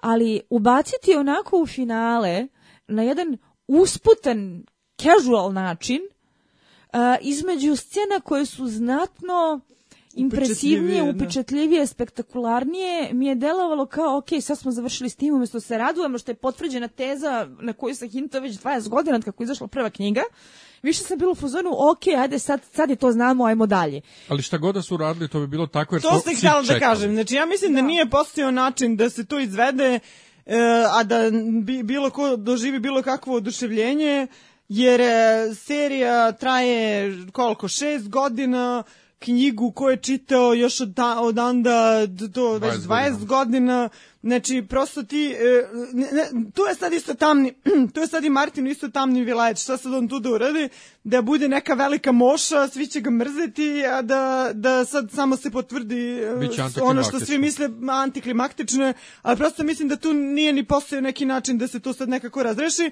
a da doživimo mi to sad tu neki moment. Jedino što su loše uradili u tome je što su pokušali ipak da naprave neku misteriju, pa ona nešto šapuće, pa mi kao ipak A ne dobro, znamo. jasno i bez To, toga. je, to, to, to, ni- to nisu morali da urade. Jasno i bez toga. Mislim, nije morala baš da kaže, znaš, Nede, ovo je moj sin sa regarom. Mislim da je dovoljno jasno. A, mislim da je ime tog što je ključno, zato Aha. što on gleda bebu i ne reaguje sve dok ona ne kaže his name, na što pretpostavljamo da je to neko od onih targarenskih imena Da, koje da. su onako malo osebujna, jer tek kada kaže ime ovaj Ned On- prebledi. Pa Ned je malo pglu, to znamo. Ne. Da. Može to, ta, tek u kafiru čije je dete. Da, ali sve u svemu ovaj to nas vodi direktno na Johna. Ovaj i mislim ono ako je iko sumnjao da je, da je beba John ona sekvenca ovaj Kad pre- ima i dalje jednako zbuljen izraz lica. pretapanja lice bebe u, u Johna, ovaj. King in the North. Ovaj ja sam to je, to je nešto što me što me iznenadilo. Ja Meni sam tu bio presrećan i mala Lijana Mormont je fenomenalna. Ne znam, uzbudilo me što oni što oni svi hoće da on bude kralj. Iskreno. Ja sam mislila da je logičnije da to bude Sansa. I ja isto. Jer, to sam rekla kad smo Neće pričali. sever žensko. Nema ali šanse pazi, sever pazi, da pazi, uzme. pazi. Kao prvo, meni je kretenski da su oni izvukli Johna u takvu ulogu sekund pošto je potvrđeno da je Targaryen, a ne Stark. Kao drugo, A dobro, ovi to ne znaju, naravno. naravno da ovi to ne znaju, ali sad mi to znamo i odjednom ga gledamo kako je zakucen na sever kao kralj. Pa dobro, on je pola Targaryen, pola Stark. Pa on će da drži sever, ova će drži jug, mislim. Kao drugo, ono što je mene tu dodalno smorilo jeste da mi sve vreme imamo jedan girl power motiv koji se provlači kroz celu sezonu, pošto je jel te, e, Game of Thrones snosio jako mnogo optužbi za mizoginiju i za to kako tretira svoje ženske likove. Pa su napravili Spice Girls napravili sezonu. Spice Girls sezonu. E, ali ne samo to, nego što se to sa Sansom nekako gradi, razumeš, ona dolazi, ona dolazi na zid i kaže pa John tu nešto mulja, pa ona kao ne, ne, dosta mi je ratovanja drnde mrnde, pa onda ona kaže treba, da povratimo a monster has taken our home i tako Jeste. dalje. Znači to je sve nekako njena misija, a ne njegova. Jeste, e I onda sada- bi to samo bilo na kraju kao Plus, a, a, moram da ih pohvalim da su, a, pošto mene jako često nervira ta očigledna politički korektna feminacija propaganda kada ti namjerno stavljaju ženske likove na određene položaje da bi ti video da je to jel te diverzitet i kao ravnopravnost. Sand Snakes što su kao pokušali da Snakes pa smo ih svi mrzeli. jeste. Ovde su uspeli da to urade na jedan dosta spontan način. Jesu, i to je odlično bilo. I e, gde ti vidiš da su te žene najzad dobili svojih pet minuta zato što su se prethodnih e, pet sezona muškarci međusobno istrebljivali, da. pravili patirske Pa sad poteze, nema pa sad nema muškaraca i sad su one tu na čelu. I u principu to mi je super. Staviti Sansu kao Queen in the North, kao pravog Starka, poslednjeg pravog Starka, zato što Niko ne zna da je Bran niko živ. ne zna da je Bran živ, Arya je... Uh, a? Ove, Ri- Rikon je trčao pravo umesto Rikon je pravo, ja. Ja, da. I u principu Sansa je stvorena za takvu neku ulogu, umjesto toga dobijemo Johna. Meni Ni- to meni bilo- to bilo Ja jako se bez samo veze. bojim, pošto ja Johna jako naravno volim kao i svi ostali Je sladak, mnogo, pravdoljubivi, mnogo je prav- pravdoljubivi ovaj, ljudi koji vole Starkove. Ovaj, Čekaj, ja se, da kažeš da mi što volimo Lannistere nismo pravdoljubivi. pa ne, samo vi ne volite to na limunadast način kao što mi volimo. vi to volite onako true, a mi volimo da je limunada. Sve u svemu, ovaj, e, pošto je to prekopirana scena krunisanja roba. Svi I znamo- to je jedno ogromno ponavljanje. To sam ja rekla da smo ovi Ali sezoni svi imali... znamo kako se to završilo. Tako da Da. se jako bojim kako Da. će to da završi sada. Ne, ali sam, sam moment e, King in the North, to sam isto rekla u, u, kad smo pričali o desetoj epizodi, mi je bio e, isto tako antiklimaktičan, isto kao, isto zbog, iz istih razloga iz kojih su mi događaji sa Daenerys, jer imamo to ciklično ponavljanje, znači već smo videli to. E sad, ne znam kuda će to da vodi zbog toga što ne znam kako se Sansi sve to dopada. E, ali ja mislim Pa, da onako. Sansa se prvo smeškala, kao da joj je drago. Jer ja sam i dalje ubeđen da Sansa ne želi da bude vladarka. Ona je htela da se vrati kući. Ona hoće da sedi u svojoj kući i da, i da šije ovaj, Da hekla, da. i, i da se uda za nekog koga, koga voli. A to je pre htela, ja nisam sigurna Ja mislim da da sad ona to i dalje hoće. želi jer ona je svesna da ona mora da se uda ovaj, zbog Pa položaja dobro, ali može udati se i udati se, znaš. Jeste, jeste, samo što mislim da ona i dalje nije htjela da vlada, nju je drago da njen brat vlada, ali kad je vidjela uh, malo prstića, mislim da ta njena promena raspoloženja nije zbog toga ufa kao ipak sam ja htela, nego uf, jebote imamo, imamo neprijatelja. Imamo neprijatelja, ja mislim da će sad malo prstić da se raskanta s njima, ali ovaj, vidjet ćemo šta će da bude. Vidjet ćemo, to su ostavili onako otvoreno za tumačenje tu njenu reakciju. Da. Ja mislim da ne, neće ona da se okreće protiv Johna, ali ja bih ovaj e, da se pozabavimo malo Davosom. Možda bude neka peripetija, Davosom mislim. i, Melisandrom. Ja što je to bilo glupo. Jao Johne, Razrešenje jao misliš? lawful stupid, jao kuku, gde ti je pamet? Ali ajmo, ajmo samo Melisandra kroz sezonu. E, ona je celu sezonu bila sivkasta. Od kako se desilo ono sa Ma ona je Stanisom, sivkasta od početka. od sezone, Od početka uloge. Pa nije bila ona crvena. Doduše, ja nju mešam sa Melisandrom iz knjige koja je izrazito crvena. Da. A ti misliš na boju, ja sam mislila da misliš na Ne, karakterizaciju. ne, mislim na njenu boju, pošto ona je bila jarko onako crvena. Celu sezonu Ne, ona je... od pete sezone već počela da bu- biva Pa to. sivkasta kad sam ja a, a, videla da mi više nije onako upadljivo crvena u onim crnim, belim i smeđim da? bojama Jel severa, da? nego odjednom počela da se stapa sa njima Jel i da? bila sam fazonu šta se ovdje desilo, ono Znači, costume nisam samo ja department, primetio, je pamet. Ali a, meni je ona zanimljiva jer su je, a, ubedljiva je karakterizacija kao nekoga koji je dalje slomljen, ali men podsjeća na Varisa. Utoliko što mislim da su to dve jedine osobe koje rade ono što je dobro za viši cilj, a ne ono što je dobro za koga god da podržavam kao svog kandidata. Ti- ono što oni misle da je znači ti misliš da ona zaista veruje? To smo pričali isto 300%. prošlog puta. Ona apsolutno 300% zaista veruje. Mhm. I to je, uh, to je u knjizi očigledno, to je ovdje očigledno, to je ono kad je rekla, ono, jeb se Jovice, ja radim šta hoću, Da, ako da. hoću da to živim, onda ću if da the to živim. Lord, da, da. A, ona je spremna da umre, ona kaže da Ali je... za više cilj. ali za viši cilj. A, to što je John uradio, mislim da je bilo mega glupo. Mm. Pa šta drugo mogu da uradim? Da ostavi. Šta da kaže Davosu jebi ga odjebi? E, ja bih čak na njegovom mestu bilo u fazonu ovaj, e, kada se završi rat čekat će suđenje dotle, dotle ovde. to bi bilo pametno, vidiš. Da. Dotle ovde, jer ka, pazi, raspada se sistem, uh, ostao si bez pola vojske, uh, vitezovi iz dola su ti pitanje koliko su ti saveznici, sever još uvijek nije sasvim ujedinjen, koliko god da te izglasali za Kin in the North. Ove, zid samo što pao nije, ti znaš šta čuči iza zida, ti znaš da se to valja ka tebi i šta radiš?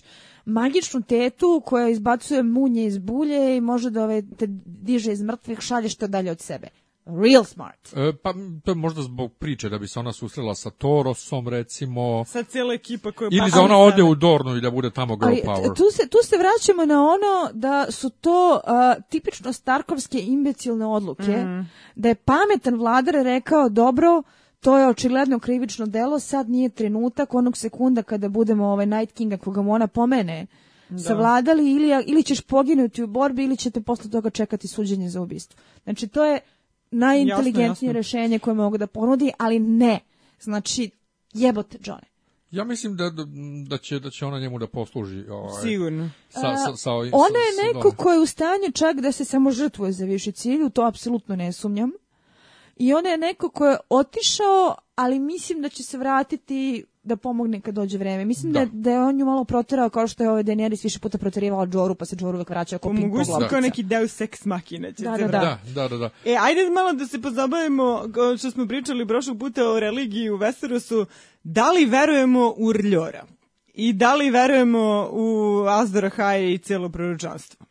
Pa, uklap, dvoje ljudi se uklapa da su Azor Haja, to su Deni i, I John. a, i John. A, evo sad, prvi put mi pada ideja na pamet, oboje su. Možda. Jel verujete u Reljora? E, ne vjerujem, ne. E, jako mi je teško da se primim na bilo koju organizovanu religiju, bilo gde, pa čak i u fantasy sistemu. Mislim da to pre ima veze sa magijom koja se vraća i sa Tako je. a, pračetovskim ustrojstvom univerzuma, koje je, mislim, jedno od najbolje definisanih a, postulata vere u bilo kom smislu. Ako dovoljno ljudi Ako veruju dovoljno nešto. ljudi veruju u da. nešto, to nešto postaje stvarno. A, to što su se zmajevi vratili, što magija ponovo postaje moguća, dovodi do toga da je Melisandre ubeđen da to, to dolazi od Lord of Light, ali ko zna od čega to dolazi, jer ne zaboravite Mhm. recimo onim njenim poglavljima u knjizi, ona jasno govori da neke fore za koje je ranije trebalo ono smoke and mirrors, znaš, ono obojeni praškovi i ove mađioničarski trikovi, sad ona odjednom je pre bila magija šarlatanka radi zapravo. I da je Mhm. čak i ona malo ustrana kako je stvari polaze od ruke. A to je i Toros, isto je Jeste. bio hardcore lažov, mislim, Oboje. prevarant Da. dok nije počeo da Oboje u seriji to pokazuju, Mm. dakle da kao nismo mi baš verovali ovo svoja video odjednom radi. Jeste. I to mi se e, sviđa A jako. ja sam rekla to prošlo puta kako ja ne verujem u Reljora, niti u proročanstvo, niti bilo šta, nego mislim da to što oni rade, ili bar ono što je ona radila, to je neki jako ozbiljan blood magic. Ali, ali generalno e, religija u Westerosu je zanimljivo pitanje, zato što imali smo dakle ovaj Children of the Forest koji su imali Old Gods. I onda su došli prvi ljudi sa Esosa i s njima su se borili, ali su prihvatili te Prvi Old ljudi su prihvatili stare Prihvatili su stare, da. a onda su došli ovi e, Andali, Andali, doveli Seven. i doveli Seven i posekli sva ona uh, Stražarike one. stražarike dole na jugu da ovi od ozgo ne vide. Znači oni su znali da oni pomoć tog drveća vide. Uh, I um, mi smo baš u prošloj epizodi pričali kako svi ti bogovi su ovaj krenuli od teze da niko nijedan bog nije pokazao svoje moći. Ispostavilo se svaki bog je pokazao neku moć osim se, sedmorice. Mladi. Apsolutno. Ja mislim da je to zbog toga što sedmorice ne inkorporiraju magiju. Da, da. Jer nijedan bog do sada nije zapravo prikazao svoje moći koliko mi vidimo da magija fercera. Da. Što su zmajevi realniji, to magija bolje deluje, to sve to više ima smisla. I ja mislim da ti bogovi e, nisu toliko stvarni koliko ljudi koji veruju u njih magiju koja radi tumači kao Božju volju. A s- The Seven jedini nemaju To je nikakve te, hrišćanstvo. to je hrišćanstvo, oni nemaju magijske obrede, oni nemaju te takve ovaj s- e, supernaturalne elemente, Mm. te samim tim nismo imali prilike da vidimo ni ništa u tom smislu. Ja to tako tumačim, recimo. E, ali meni je fenomenalno e, da za jedno takvo e, neinkluzivno društvo kako je Westeros, religija, religija ne predstavlja toliko, toliko veliki razdor i problem i ljudi se ne diskriminišu toliko na toj osnovi. Da, to jeste zanimljivo. Osim što, Osim što da, je, u tim recimo, prvim ratovima što su ovi posekli Jeste i osim što je recimo ovaj Stanis i, i malo tu isključen Oni su bili sektaši, da. Da, Da, to je- Stanis je, Stanis je bio sekta, Rljorova. E, ali, um, šta još nismo brali? Dorna. Dornu smo imali u prvoj... Moramo? Moramo. Dornu smo imali u, u, u, koji prvoj, u prvoj i u poslednjoj epizodi. A, Više ja- nego dovoljno. Više nego dovoljno. Ja mislim da je najveći moment katarze bio kad je Olena s- svim onim doroskim kozama zapušila usta. Ali e, kao, kako si ti znaš Barbaro, ti znaš ko, ko ljuti dečak, ti, ti si glupa, ti nešto da kažeš, dobro je. E, Znači, e, ta scena je ubačena samo da lik koga volimo, malo da se nane nanine likovima koje ne volimo, pa da gledaoci budu srećni da se osjećaju kao da su dobili satisfakciju za svonu patnju iz Dorne. Pa ja sam rekla šta mislim o Dorni još prošlog puta, to je da nije mi jasno zašto su to tako radili. Ako smo već došli do tačke gde smo i u knjizi, zašto nije ostao, kako se zove glumac? Aleksandar Stidig. On.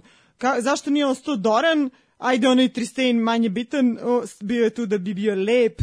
Ovaj, a, žao mi je što nema Doranove ostale dece, žao mi je, žao, žao mi je što je Dorna urađena tako kako je urađena. Baš mi je bez meni je nejasno. Mislim, Jedino što kao- mi nije žao je što nema Quentina u tom smislu, Quentinova priča besmislena potpuno. apsolutno. Ali ono što meni nije jasno jeste, uh, uh, ako već hoćeš da dovedeš priču na apsolutno istu tačku gde je u knjigama, a to je da Dorna otvoreno podržava Targaryene. Tako je. A, zašto smo to uradili kao girl power? Je li to čist feminizam koji je delovao sa te strane da bi jel te imali jake žene Ali iz Dorne? imali, imala je Arijana, što nije ona Arijana. E, a kad smo već kod toga, šta, čekaj, zašto onda stavljaš kopilad, e, što ne staviš pravu nasljednicu Arijanu, ili su oni sad ipak hteli na neki čudan način da Da, da pokažu... ih iskupe. Ne, ne, koliko Dorna poštuje, ne, poštuje i kopilad, tako da mogu i kopilad da budu umesto pravog naslednika Ma ja mislim da tu nema nikakve dubine u tom smislu, nego su oni kao, e, daj da stavimo neke tri zajebane ribe. Mislim, tako Da, meni da, to da, delo. da, totalno deluje. Ja, ja, ja sam i dalje zgrožen ovaj, kako je Dorna obrađena u prošloj sezoni, ali mi je drago što su sad došli na Ovde su ih držali pod kontrolom. došli su sada na to ovaj kako je kako je u knjigama. Ovde su ih držali pod kontrolom, ako se budu pojavljivale dalje, mislim da će se pojavljivati u minimalnim dozama. Ne, samo će se pojavljivati vojsk, vojska oni će biti Jeste na kao strani. statisti i mi ćemo znati jel te gde se oni nalaze na Pa da. mapi i to je to. Znači, uspeli su da ih neutrališu s obzirom na to koliko su zastrali. A Tyrelovi, Jao, jadni taj relovi. Tyrelovi ove sezone na jebaše. Odoše, jao, kuku majko.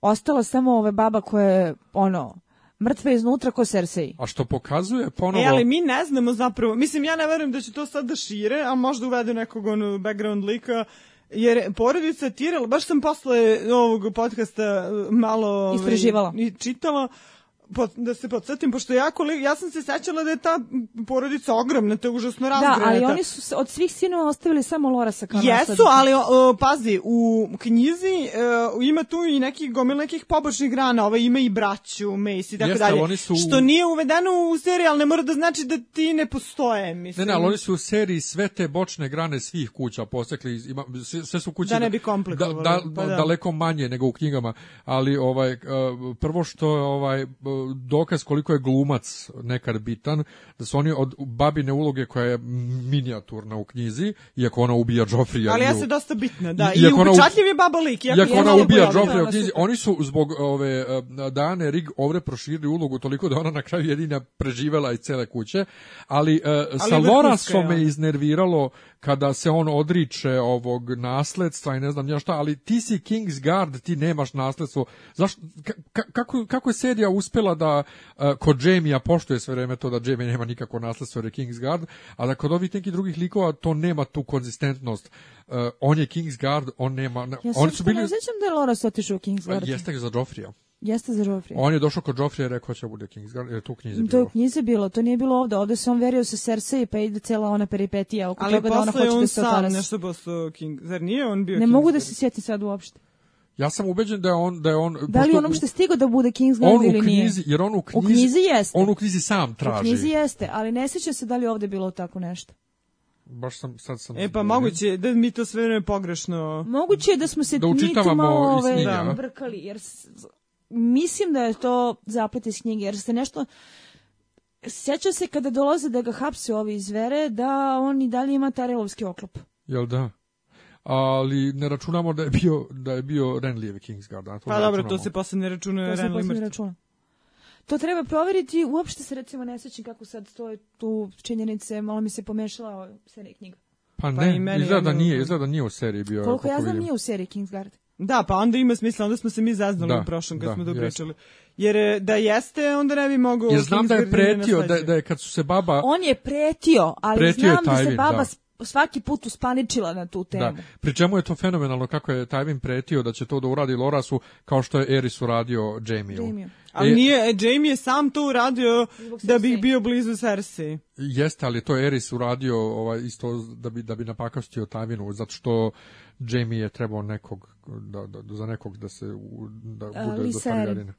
Jel da? On je bio veren sa Lisu Merin. Da.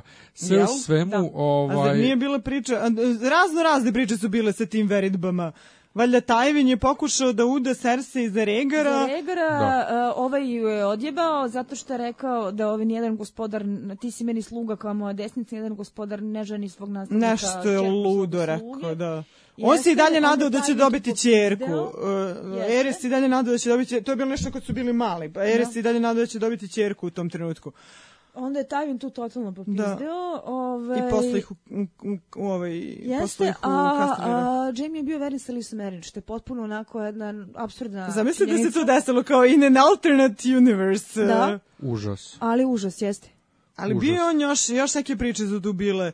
Pa je posle bila, e, dolazio je neki onaj high tower da je prosi Cersei. A, Ima, inače... A čak i, za, i, i ovi iz Dornje, to sam htjela da kažem, posle kad su ispušili valjda kod Erisa, valjda da li je bila priča, Oberyn to nešto priča Tyrionu, kako su on i Elija, Oberyn i Elija su bili u Kings, u, King, u, u Castle Rocku i Gde to je ovaj- bila priča da će Oberyn, da je trebalo da se oženi sa Cersei, a da e, se Jaime sa Elijom. To je brzo propalo, jeste. Da, da, Ima svakojake kombinacije su bile. Ali ima jedna jako interesantna teza o velikoj lordovskoj zaveri, koja normalno, vrlo verovatno se svodi samo na još jednu od one tin foil da. fanovskih ove, halucinacija, da u nekom trenutku uh, dugo godine je bio običaj da lordovi a, žene svoje naslednike u kćerama svojih vazala i da sve to ostaje, što bi se reklo, u krugu regiona Da, da, da, da. a, da je prvi put u toj nekoj generaciji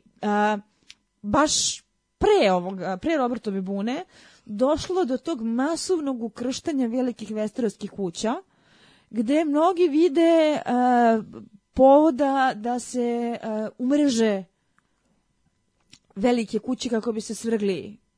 Targaryeni. Aha, aha. Zanimljivo. Nego, uh, Brena, ne pomenuo smo i njegov razvoj ove sezone. Njegova priča ove sezone potpuno van knjiga. Un safe house. Ovaj, Pa na kraju ja, nismo pomenuli Hodera. Na kraju kako pa, je na kraju kako je došlo i nije toliko strašno, ali Brent se pokazao kao stvarno grozno jedno derište koje rekao već Jamie je trebao da ga ubije. pa to smo isto rekli već, Brent služi praktično nama da vidimo te flashbackove. Kao prozor u prošlost. Da.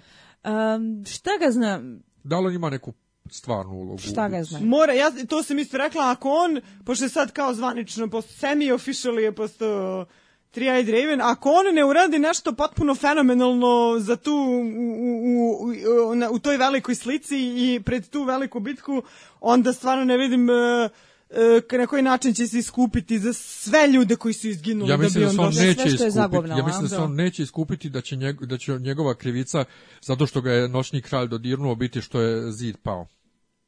Znate zato što je, zato što je uh, zid, uh, zid pao to jest zid će pasti uh, zid će pasti zato što je on dodirnut, zašto će Jeste. on da poništi onu magiju. Inače, Jeste. hvala Bogu, pošto u knjizi se to vrlo rano pominje, ovde je Benjen tek sad na kraju šeste se Da da pomenuo u da u zidu ima magije i da mrtvaci ne mogu tek tako da prođu, ali Bren će to tako da Ali sjebe meni je to kolosalno. malo nelogično da je to dovoljno da oni... Mislim da je to... Ta, I čak i Benjen kaže to je neka mnogo opasna magija. Znači Jeste, jeste. da će to toliko jednostavno da se reši tako što ovaj je njega jednom pipnuo i sad zna gde je. Mislim, A, nešto mi da, to... zato što je to apsolutno jednostavan plod device koji D&D mogu da koriste, da ne moraju mnogo toga da objašnjavaju. Smo već jedno videli kako deluje.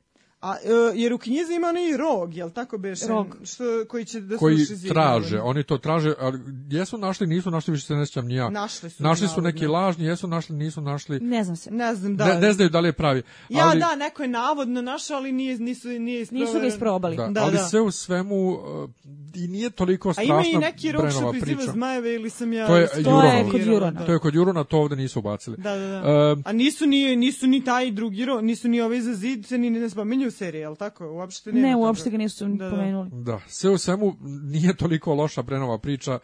Ubiše nam ovaj Hodora, ni krivog, ni Jedan od potresnih momenata u sezoni, Jeste. složit ćete se. Da. Da. Mada šta ja znam, meni je sada to toliko ostalo u senci ovog finala, mislim da je ovo jedno od najupečatljivijih finala koje smo gledali ovih svih Potpuno šest su napustili, potpuno su napustili onu onu onu praksu epizoda. da je deveta vrhunac i onda u deseta sve Ali smirenje. meni je ovde recimo to super. Koliko sam se bila plašila da će finale biti samo jedan niz a, senzacionalističkih događaja na peta. pokretnoj, tra, na pokretnoj traci kao peta koja mi se ništa ne sviđa kako Da. je urađena. Ovde je to majstorski I zvučeno. ima smiraj na kraju. I smire je na kraju i taman ti je lepo podvučeno kako se sve promenio landscape i koliko, koliko su se stvari na druge osnove popele. Da. To su vrlo jednostavno u 10 u 10 epizoda rešili. Nego ono što mene zanima, ovaj tvoje mišljenje jeste uh, Kathleen uh, se retko naziva Tali. Ona je uvek Stark. Da, zašto Uh, Cersei se zove zašto, Cersei Lannister? zašto je Cersei Lannister i zašto je već Joffrey kao Joffrey Baratheon nosio obeležja i Lannisterske kuće i ovaj i Baratheonske i posle njega i Tomen. Zašto su oni nosili barjake obe kuće? A, mislim zbog toga što je Kathleen koliko god mi njoj pripisivali razne negativne osobine koje su jesu ili nisu preuveličene ili na određeni način ispoljene što u knjizi što u seriji a, pre svega jedna a, jako patrijarhalna žena koja se vrlo kreće u krugovima a, svojih supružničkih dužnosti mm. i gde sebe doživljava kao jednu matronu koja se identifikuje sa kućom u koju se udala zato što je zato što se to tako radi, zato što je taki je red, jeli.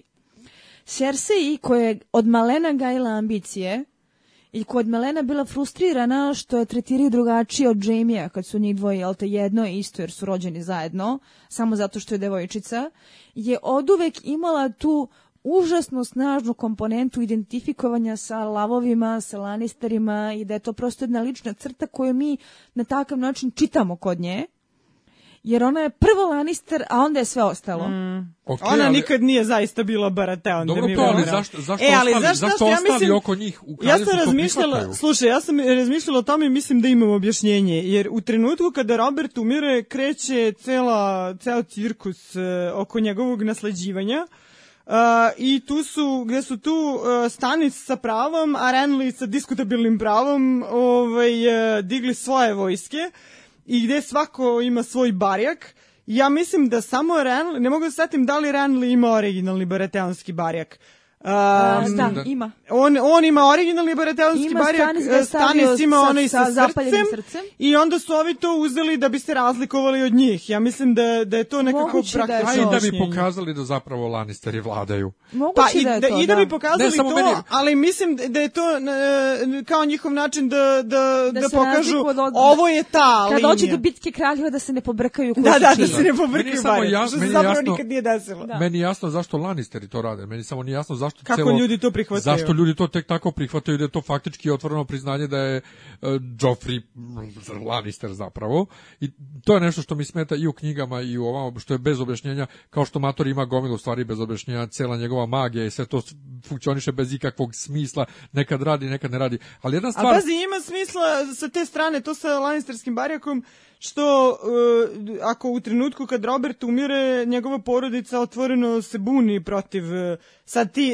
zauzmi ti stav Tajvina ili nekog ko je tu, ko treba da brani, jer Tajvin sve vreme ne veruje da deca nisu, mm. on sve vreme ne veruje da nisu Robertova. Da, da, da su, da, on sve vreme ne veruje da, da su Jamie, ne, ne, ne, on je vrlo on je la, la, la, la, da, on je vrlo u poricanju što se toga tiče. A, zato, jeste, zato jeste uh, šokantna ona scena kada mu Cersei sve kaže u lice na kraju četvrte sezone pre nego što ode na klonju. Jer uh, on uh, koliko god da negde znao malo mozgu racionalno odvija da poveruje i ni u jednom trenutku ne misli da bi njegovi savršeni Lannisteri mogli da urade da, tako i nešto. Da, I da ne sme da se sumnje u Joffrijev legitimitet kao kralja. Da. I e, hoću da kažem, ako se već cela porodica Baratheon okrenula protiv njih, oni moraju na neki način da istaknu da oni nisu samo Baratheoni, nego i Lannisteri. Mislim, ne znam, meni to ima logike. Ne, mm, ne ja ga nekako nikad nisam ni preispitivala, sve ovo objašnjenje koje sada ovde ispovrćemo, mislim da Da, ne, da. da. Nego, ovaj, prije što pređemo na, na Old Town, ovaj, Sema Gili, ali moramo se dokladimo i Pajsela i Kajborna. Imam jednu drugu temu, ovaj, eh, lagano se bližimo kraju, eh, koja se nigde u seriji ne dotiče sve vreme, a u knjizi je prisutna od polovine četvrte knjige i jako je bitna. Zemlja je izmorena ratovima, svi su gladni, hrane nema, usjeva nema, mm -hmm. dolazi zima. Na severu na zidu je već nastao haos sa zalihama hrane i John između ostalog i zato ovaj divljane ovaj pušta da da bi oni tamo nešto radili, ali ne mogu kad dolazi zima i već uh, ove zalihe hrane prebrojava toga svega nema uopšte ovaj u seriji zato što je, što je to suviše komplikovano da se sad objašnjava ovaj ali to su to su mogli mnogo ranije da uvedu jer to je bilo jedno vreme kada je baba pregovarala taj Relović taj Relović će doneti hranu ali zima stiže i to je sad veliki problem šta ćemo da jedemo ovdje to ništa oni jed, oni da ona dalje ima najbolja vina pije ima ovaj voća I to je ono Dobro, imaju ti plemići i dalje i u knjizi, I u knjizi. Ne? Narod je taj koji Narod je, ali, na, ali, u narodu se žestoko osjeća, posebno Riverlands koji su skroz razorene ratom, jer tu najviše se ratovalo. Najviše ratovalo, da. Ovaj, ne znam da li će da se dotaknu toga. Možda hoće, možda neće. Nekako su uspeli da celu tu socijalnu priču relativno marginalizuju, tako da Koja, sad... u, koja je u knjizi Koja je fenomenalna. u knjizi interesantna jako. I- ja. Pazi, to- mi jako i- malo sad imamo predstavnika, zato se ja nadam da se vrati džendril, tako E, ali neko. to je Mi jedino- imamo jako malo predstavnika običnog naroda. To je Znači, zapravo jedino interesantno u četvrtoj knjizi ta socijalna komponenta gde vidimo uspon vrabaca, zašto su vrapci tako uspeli. Jeste, to je neko već rekao i to je Da. sasvim logično zapravo. Nemanja, Nemanja je to govorio. Ovaj, e, Ali dobro, jebi ga. B- Brijena, nju isto ne pomenuli smo. Njen razvoj, u odnosu na prošlu sezonu, njeno tapkanje u mesto ove sezone je bilo mnogo, mnogo bolje. Mnogo je bolje, pa mislim, Brijena je imala jako malo scena ove sezone, uglavnom se opet pojavljivala tačno tamo gdje treba da bude. Pa, Dakle, nemojte da gurate likove na silu. Nemojte da gurate likove na silu i a, ono sa Jamijem, to smo već pominjali više puta, je bilo tu u video za Remetuci, apsolutno predivno. Predivno, predobro, odmereno, a, uspevali su da izvuku sentimentalnost, a da ne sklizu u ljigavoštinu i da sve to bude jedno jako dostojanstveno bondovanje koje možda bude ljubavno, ali čak i ne mora da bude. Što je ono što se meni strašno sviđa, jer ti dalje vidiš kako njih dve utiču jedno na drugo, Ne, ti vidiš da se oni mnogo vole, ali ne znaš kako. ali ne znaš kako. I ali odlično je napisano i odlično je Jeste, odglumljeno. jeste, tako da to su zvezdani trenuci, ja mislim, cele sezone. E, ceo Riverlands je meni recimo briljantan. Mhm, meni se isto sviđa. I Da. ove, ona je tu zaista zablistala kao lik, onako kakva Brijena treba da bude. A Blackfish se pokazao matorom drtinom kakva i jeste. Pa to što on uradi na kraju, ja moram da kažem da nema nikakvog smisla. Znači, jer e, da, da je Blackfish u onoj situaciji u kojoj je u knjizi, u knjizi nema ovog, spas, od ovog momenta da dolazi Brianna i ponudi mu da ode, da pomogne Sansi. Ovaj, e, zašto je odbio? Mislim, nekako to- ne, ne razumem. Pa zato što je matora tvrdoglava drtina. eto. Pa bukvalno to Pa zato što je otišao da piše na Red Weddingu, eto zašto. Da, da. Um, b- b- b- Paisel i Kyburn, meni je zabavno što je Paisel završio isto kao u knjizi. Da, I ali drago mi je što nas jo- još to je jednom... malo onako ubačeno na silu. Pa na silu je, naravno. da bi ono ovaj, da bi ga ispoštovali, sklonili, da. i da bi ga sklonili, ali mi je super što su nas još jednom podsjetili da on uopšte nije tako ovaj uh, Nemoćan, da, nemoćan, ovaj, ali Kyburn koji završava kao desnica, doduše ona nema Dobro, koga drugog da ona nema postavi koga drugog, to- to koga znali. Gregora. da A meni je. Kajben vrhunski lik mnogo bolje u seriji nego u knjizi je kao karikatura. A u, u, u, u seriji što kaže Isidora Branko Kockica. Znači Da. to ja non stop razmišljam o tome. Znači od kad si ti to rekla svaki put kad se on pojave ja pomislim Branko on Kockica i zanimljiv- umrem od smeha. Meni on zanimljiviji u knjizi zbog Meni- svih onih eksperimenata koje radi. A meni je recimo to višak. Jer e, to u knjizi ga čini karikaturom, to u knjizi ga čini A onim radi on to i dalje i da. u seriji. Radi on samo ne vidiš. Pa to, ali to nekako samo, još samo bolje. naslučuješ i e, to od Cersei čini malo manje zlu glupu čurku koja svoje političke protivnike šalje njemu na eksperimente. A e, što je u principu bolje za nju, jer da bi dobio taj magbetovski toržestveno tragičan moment na kraju ti ne možeš da imaš glupa ćurka ovaj karakterizaciju. A drugo, ti što ovde njega vidiš samo u tim nekim polusimpatičnim momentima, a, a znaš šta se sve dešava iza kulisa, je on meni još intrigantniji. Da, da, da, meni je mnogo bolje. Baš odlično mi je odrađen. Sam Gilly je Old Town. A, Sam je izgledao kao Bell u Be, ovaj, Beauty and the Beast kad je ušao u biblioteku. By the way, jeste primetili luster?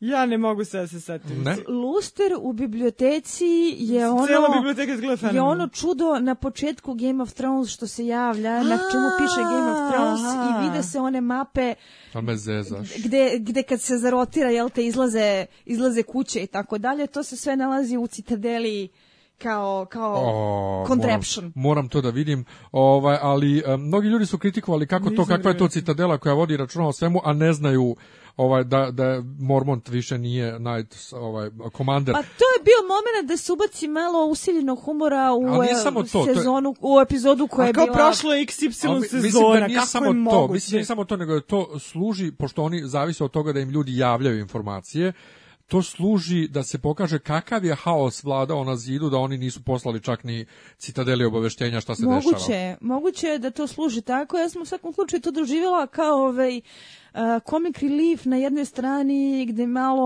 ove, možemo da se zjebavamo na račun okuštale birokratije. Meni se ne sviđa što je e, Sem onako ostavio Gili. Um, ja mislim da u tom trenutku Sam nije razmišljao ni o čemu, Pa da je da. Sam samo video ja, knjige. Knjige, da, da. E, ali jedna stvar, uh, Old Town je jedina ili možda jedna još od jedno dve retkih priča koje još imaju materijala iz knjiga. Jao da, jebote. Mi smo u Old Townu u knjigama dobili prilično još priče. Jeste i celu onu veliku zaveru citadeli koja možda Pa da. stoji, možda ne stoji. Da, da. To Šta li će Nevidljivi time? A, univerzitet. paži, moguće je da će to da ubace zato što će postati aktuelno u trenutku kada se pojave zmajevi. Jer ako uzmemo celu tezu da je Citadela namerno radila na tome da se zmajevi generacijski degenerišu, deformišu i istrebe, jer su smatrali da jel te, svet treba ukalupiti u nauku, racionalizovati i istrebiti magiju, a čitava priča je o tome da kad se vraćaju zmajevi, vraća se i magija.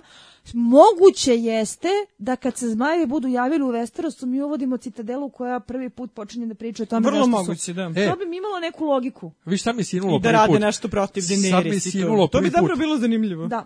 Sad mi sinulo prvi put, ovaj, do, rekao sam malo pre, ne postoji ta verska diskriminacija ovaj, u, u, u, u, u, u kraljevstvima ovaj, i nema tog sukoba uh, nauka protiv vere. Ovde nije nauka protiv vere, ovde je Nauka nauka protiv magije i Da. to je mnogo, mnogo, mnogo bolje nego u stvarnom svetu što se ovaj radi. Ali baš me zanima šta će da bude sa ovim, kako zove, sa, sa, sa Old Townom i sa Samom i sa Gili. Ja pretpostavljam da će onda pošle Gili u neku tavernu da radi tamo. Vidjet ćemo. U svakom slučaju, pazi, ja se nisam nešto pretredno naljutila njega što je ostavio zbog toga što ta biblioteka je napravljena tako da svi knjiški moljci dožive Da. orgazam kad je vide. Prema tome, Potpuno je očigledno zašto je on potrčao kao onim policama. Da. I šta nam je ostalo za kraj? Jesmo nekog preskočili lika? Jesmo, Greyjoy. Pa ni tu nema ništa. Gređe ove sezone. Pa, Da. e, Meni su bili super. Svedeni na Ja minimum. moram da kažem da su oni meni, ja sam njih na kraju zavolela. Upravo to. Znači, Slažem se sa e, meni, je, meni je Teon bio, ja njega nisam, ja sam ga mrzela, on u knjigama. Smarao je. E, znači, ja sam ga mrzela, U stvarno. svoju odbranu, ja recimo moram da kažem da mi je na drugo čitanje a, gde sam znala Možeš za ceo da- sm- da ne, ne. gde sam znala za ceo smrda preokret Aha, koji aha. sledi, a, hvatala mnogo dobrih hintova i nijansi Teonovog lika i kad se prvi put pojavljuje kao point of view karakter u Sudaru Kraljeva Aha. Gde ti vidiš tu njegovu nesrećnu rastrzanost između Starkovih i porodice, gde ti vidiš koliko je on zapravo neko ko se folira da je veliki baja, u principu je Ma jasno, no, to... Znači, on je fenomenalno iznijansiran lik, a Meni u- on kao u Rik u je petoj. Meni on bolji. u petoj knjizi tek. Kao Rik, Ne, meni je bio, ja se slažem s tobom apsolutno za Teona kako je to jedan od boljih likova, od bolje izvedenih likova, znači jako je to, ja isto to sam primetila to kao jeste, nije, hoće, bude, neće, bude, ne, ne, e, ali, ali sam ga mrzela, brate, znači ono što on radio, ja ne mogu da opravdam. Mene on smarao ali i knjigama. posle, posle mi ga je bilo žao, jel, kad ga Ramzi uzme pod svoje i tako dalje, i onda posle on isto doživi neki vid iskupljenja, ovaj, ne na ovaj način. Um, u seriji nisam imala toliko jaku emociju prema njemu negativnu. negativno. Da, ovde su ga malo oprali. Uh, Alfie Allen ga na simpatičniji način glumi zato što koliko god da I je kretenas, nikada nema tu dozu arogancije koju uh, Nema i knjiški nije toliko ima. zgodan, pa je manje iritantan nekako. Ovaj, E, više se moguće. se osjećaš sa njim. Moguće je to, da. e, ovaj, e, ali, hoću da kažem, e, nije mi bio, posebno u poslednjih par sezona kad je, od kad ga je uzeo Ramsey, to bio mi ne, nekako onako ispod radara lik. Da, Ovaj, u ovoj sezoni je blistao. E, sad stvarno, hoću da kažem, e, ja sam njega na kraju zavolela i, e, i Jaru sam na kraju zavolela koja mi je bila, prvo sam besnala što su je promenili ime i, o, i lik je Čula pot, sam da je zovu Jaša, to je apsolutno Da, da. divno. Lik je potpuno, drugo lik je potpuno različit od knjige, to je ono što se dešava s njom manje više sem ovog Kingsmuta sad, dosta se razlikuje, jel ono što ona radi, ne radi, bla, E, bolje je- u seriji. Ona je na kraju sa Stanisom u knjizi. Pa da, zarobljeno. Ovaj, em, mislim, sa stan, na strani Stanisa slušalci nisu zajedno. Ovaj, em, e, šta sam htjela kažem? Prvo sam vizualizovala Stanisa i ovaj ja. Odvratno. Uj. U svakom slučaju, da, da, da, bi, da bih ja na kraju sad došla do toga da, da, su, da su mi oboje postali dragi. Meni su oni preslatki, ona mi je jako simpatična, to smo već pričali kako su Jeste. imali onaj brother-sister bonding moment. Uh, super su mi što su se uklopili sa Daenerys zapravo. Da, Na to mi zapravo nije bilo. Ja sam mislila da to će mi biti skroz ono deus ex machina i bez veze, ali kad se oni pojave, taj, ti dijalozi su zapravo dobri. Kad Tyrion... Osim što oni tek tako prihvataju da ukinu svoj način života. Da, to je malo... glupo. A, to je malo Da. glupo, ali ti vidiš da ovaj, e, Teonu je sad već svejedno, Dobro, Teonu je naravno sve jedno. a ona još može i to da doživi kao priliku za sebe. Tako da, ako se dobro obrazloži, ja to mogu da progutam, ono što je bedljivo najbolje jeste kada Teon nakon svega kaže ono I'm not fit to rule. Mhm. To je kad vidiš tačno onaj moment da je on završio skroz svoj uspon i da može da bude jako dobra savjetodavna figura svoje sestri. Sidekick. Sidekick. Da, uh, strašan mi je njegov karakterni razvoj kao nekoga koji je bio jako ambiciozan, koji je strašno pokušavao da se dokaže i koji je napravio sranja, gde god je prošla trava nije rasla, zato što je želeo da se iskaže kao neko ko može da vlada, da osvaja, da bude tatin sin, da bude i starak istovremeno i svašta nešto. Sad je najzad shvatio da se najbolje osjeća u ulozi da podržava nekog drugog. Taj njegov ceo životni put mu je dio i u principu koliko god da sam Dornu mrzela onako kako su, e, su adaptirali iz knjiga, ako uzmemo da su i Gvozden rođeni i Dorna najproblematičniji novo uvedeni podzapleti u četvrtoj i petoj knjizi gdje je bilo očigledno da je nešto moralo da se interveniše kad se to sve bude ekranizovalo. Ovo su dobro. Dornu su upropastili, Gvozden rođenove su, uh, Gvozden rođene su jako lepo izvukli, ja sam zadovoljna kako Da, i ja isto, ja, ja nisam očekivala nešto mnogo od toga u ovoj sezoni i kad sam čula da će to biti u šestoj, bilo sam za, o, ne to, kao, ali... Ista reakcija. e, ali s obzirom e, na, s obzirom na moje očekivanja koje su bila nikakva, ba- baš nisam očekivala da će ja na kraju njih zavoleti čak. Da, da, da, Da, da. Meni on bio užasno iritantan kao, kao lik, ovaj, e, gledište u, u, prv, u prvim knjigama, tek u petoj kao Rik mi je prirastao za srce. Nego, ajde da se lagano bližimo kraju, e, samo nešto da konstatujemo. E, Daenerys e, na kraju putuje u Westeros. Jeste. Da, pošto ima ljudi koji misle da, da ona već u Dorni, zato što se Varys tamo pojavio, da ona u Dorni i da ona iz Dorni ide za King's Landing, što ne bi bilo po hollywoodskim konvencijama koji se oni slepo drže, mi moramo da vidimo njen put za Westeros, je tako? Da. Ok, šta očekujete sad od ove zadnje dve sezone? Kakav razvoj priče sad kad je sve ovako počišćeno i kad imamo jako malo igrača? Pa ja se nadam da će ubaciti nešto novo, bar i ne, neke A, peripetije. Ono što se pred, izvini, ono što se predlaže masovno jeste da će Euron da ulazi u savezništvo sa Cersei. Pa to, to je baš očekivano, ja isto mislim to da će I, biti. I onda? I onda kuku majku. Pa ko će koga da pokosi? Oni će da se smuvaju. Da to? Ja, Ja vidim, ja, evo kako, kako ja vidim, znači, e, kako ja pretpostavljam, ono što sam rekao, doći će Daenerys u Dornu, skupit će se Tyrelovi, Martelovi Koji ovaj, taj, le, taj relovi? vojska, Da. ovaj, i otići će, napašće King's Landing, King's Landing će biti uništen, ali Deni će nastaviti ka severu i onda će tamo sa Johnom ovaj, krenuti nešto, doće Bran, reće ne, mrtvaci, vi ste rodbina i onda će oni da pokose, Mrtvaci, vi ste ovaj, rodbina. po- da pokose mrtvace.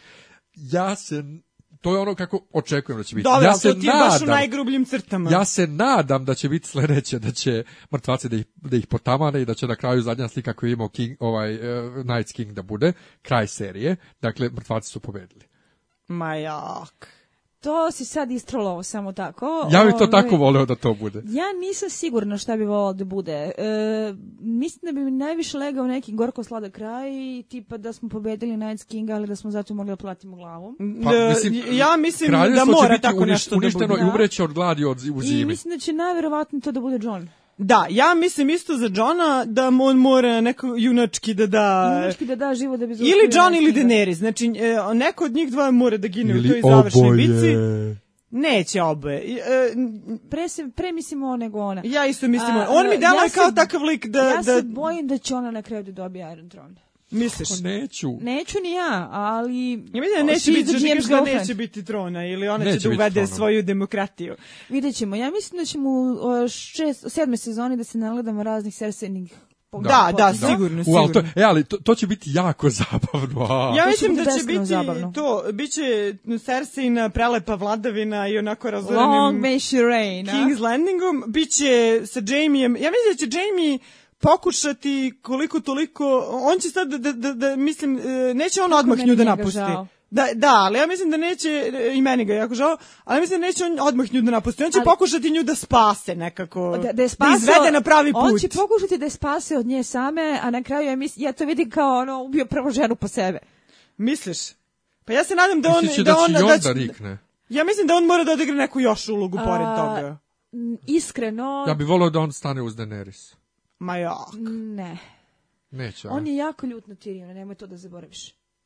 On je jako ljut na Tyriona. Ja bih volio s njih dvojica prvo pomire. Zašto bi stao uz, uz uh, čerku uh, kralja kog je ubio, mislim, Pa da se koga je iskupi. život Ne sam, Da pa, se iskupi. a, razne varijante na to kako se Jamie iskupljivao sam ja uglavnom vikal, e, viđala sa time što je e, ispunjavao zakletu Catelyn Stark, a nešto se iskupljivao u odnosu na Daenerys. Nešto da vrati čerke. Da vrati Tako će. je, da vrati pre, pre vidim to kao moguće pravde delovanja, da će onda se ono, da ode u noćnu stražu na kraju da služi severu, I da on bude novi komander. na primjer. Poslednji. Jao, to je odlična zapravo ideja. Da. To bi, to bi bilo lepo da se vidi, nego što ovaj, vidim da uh, on može da stoji uz Daenerys i uz Tyriona, Ne jer za razliku od knjiške verzije da je on taj koji je lagao Tyriona, Tyrion je ovde izdao njega i koliko god da su oni posveđeni u obe verzije, ovde se razlikuje to koji koga hoće da skrate za glavu. Da, Mm. s tim što u knjizi se oni dalje vole i njega njega je Jamie oslobodio i pustio. Jeste u seriju Jamie njega oslobodio i pustio s tim što je e, Tyrion besan na Jamie zato što je Be Jamie očutao laž koja je Tyrionu promenila celu životnu perspektivu. Jest. A ovde je Jamie njega oslobodio na poverenje, on je rokno taju.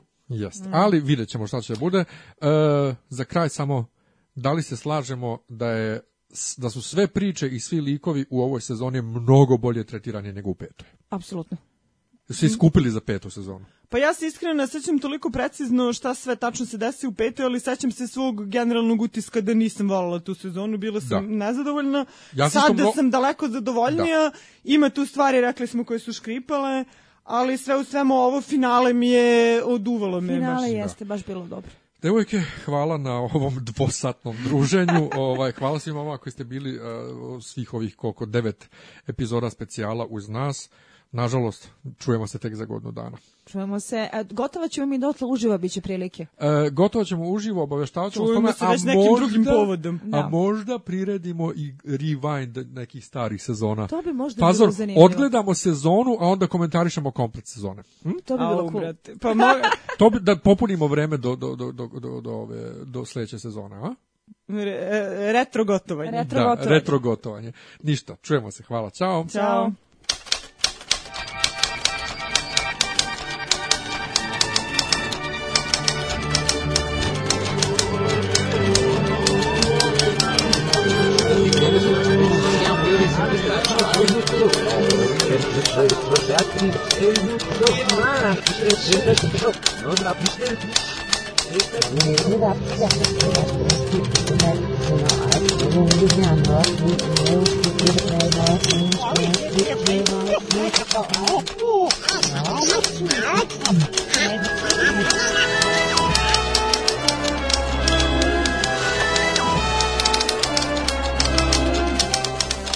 Дописи из Диснейленда. Tišina tamo. Ništa mi nije smešno.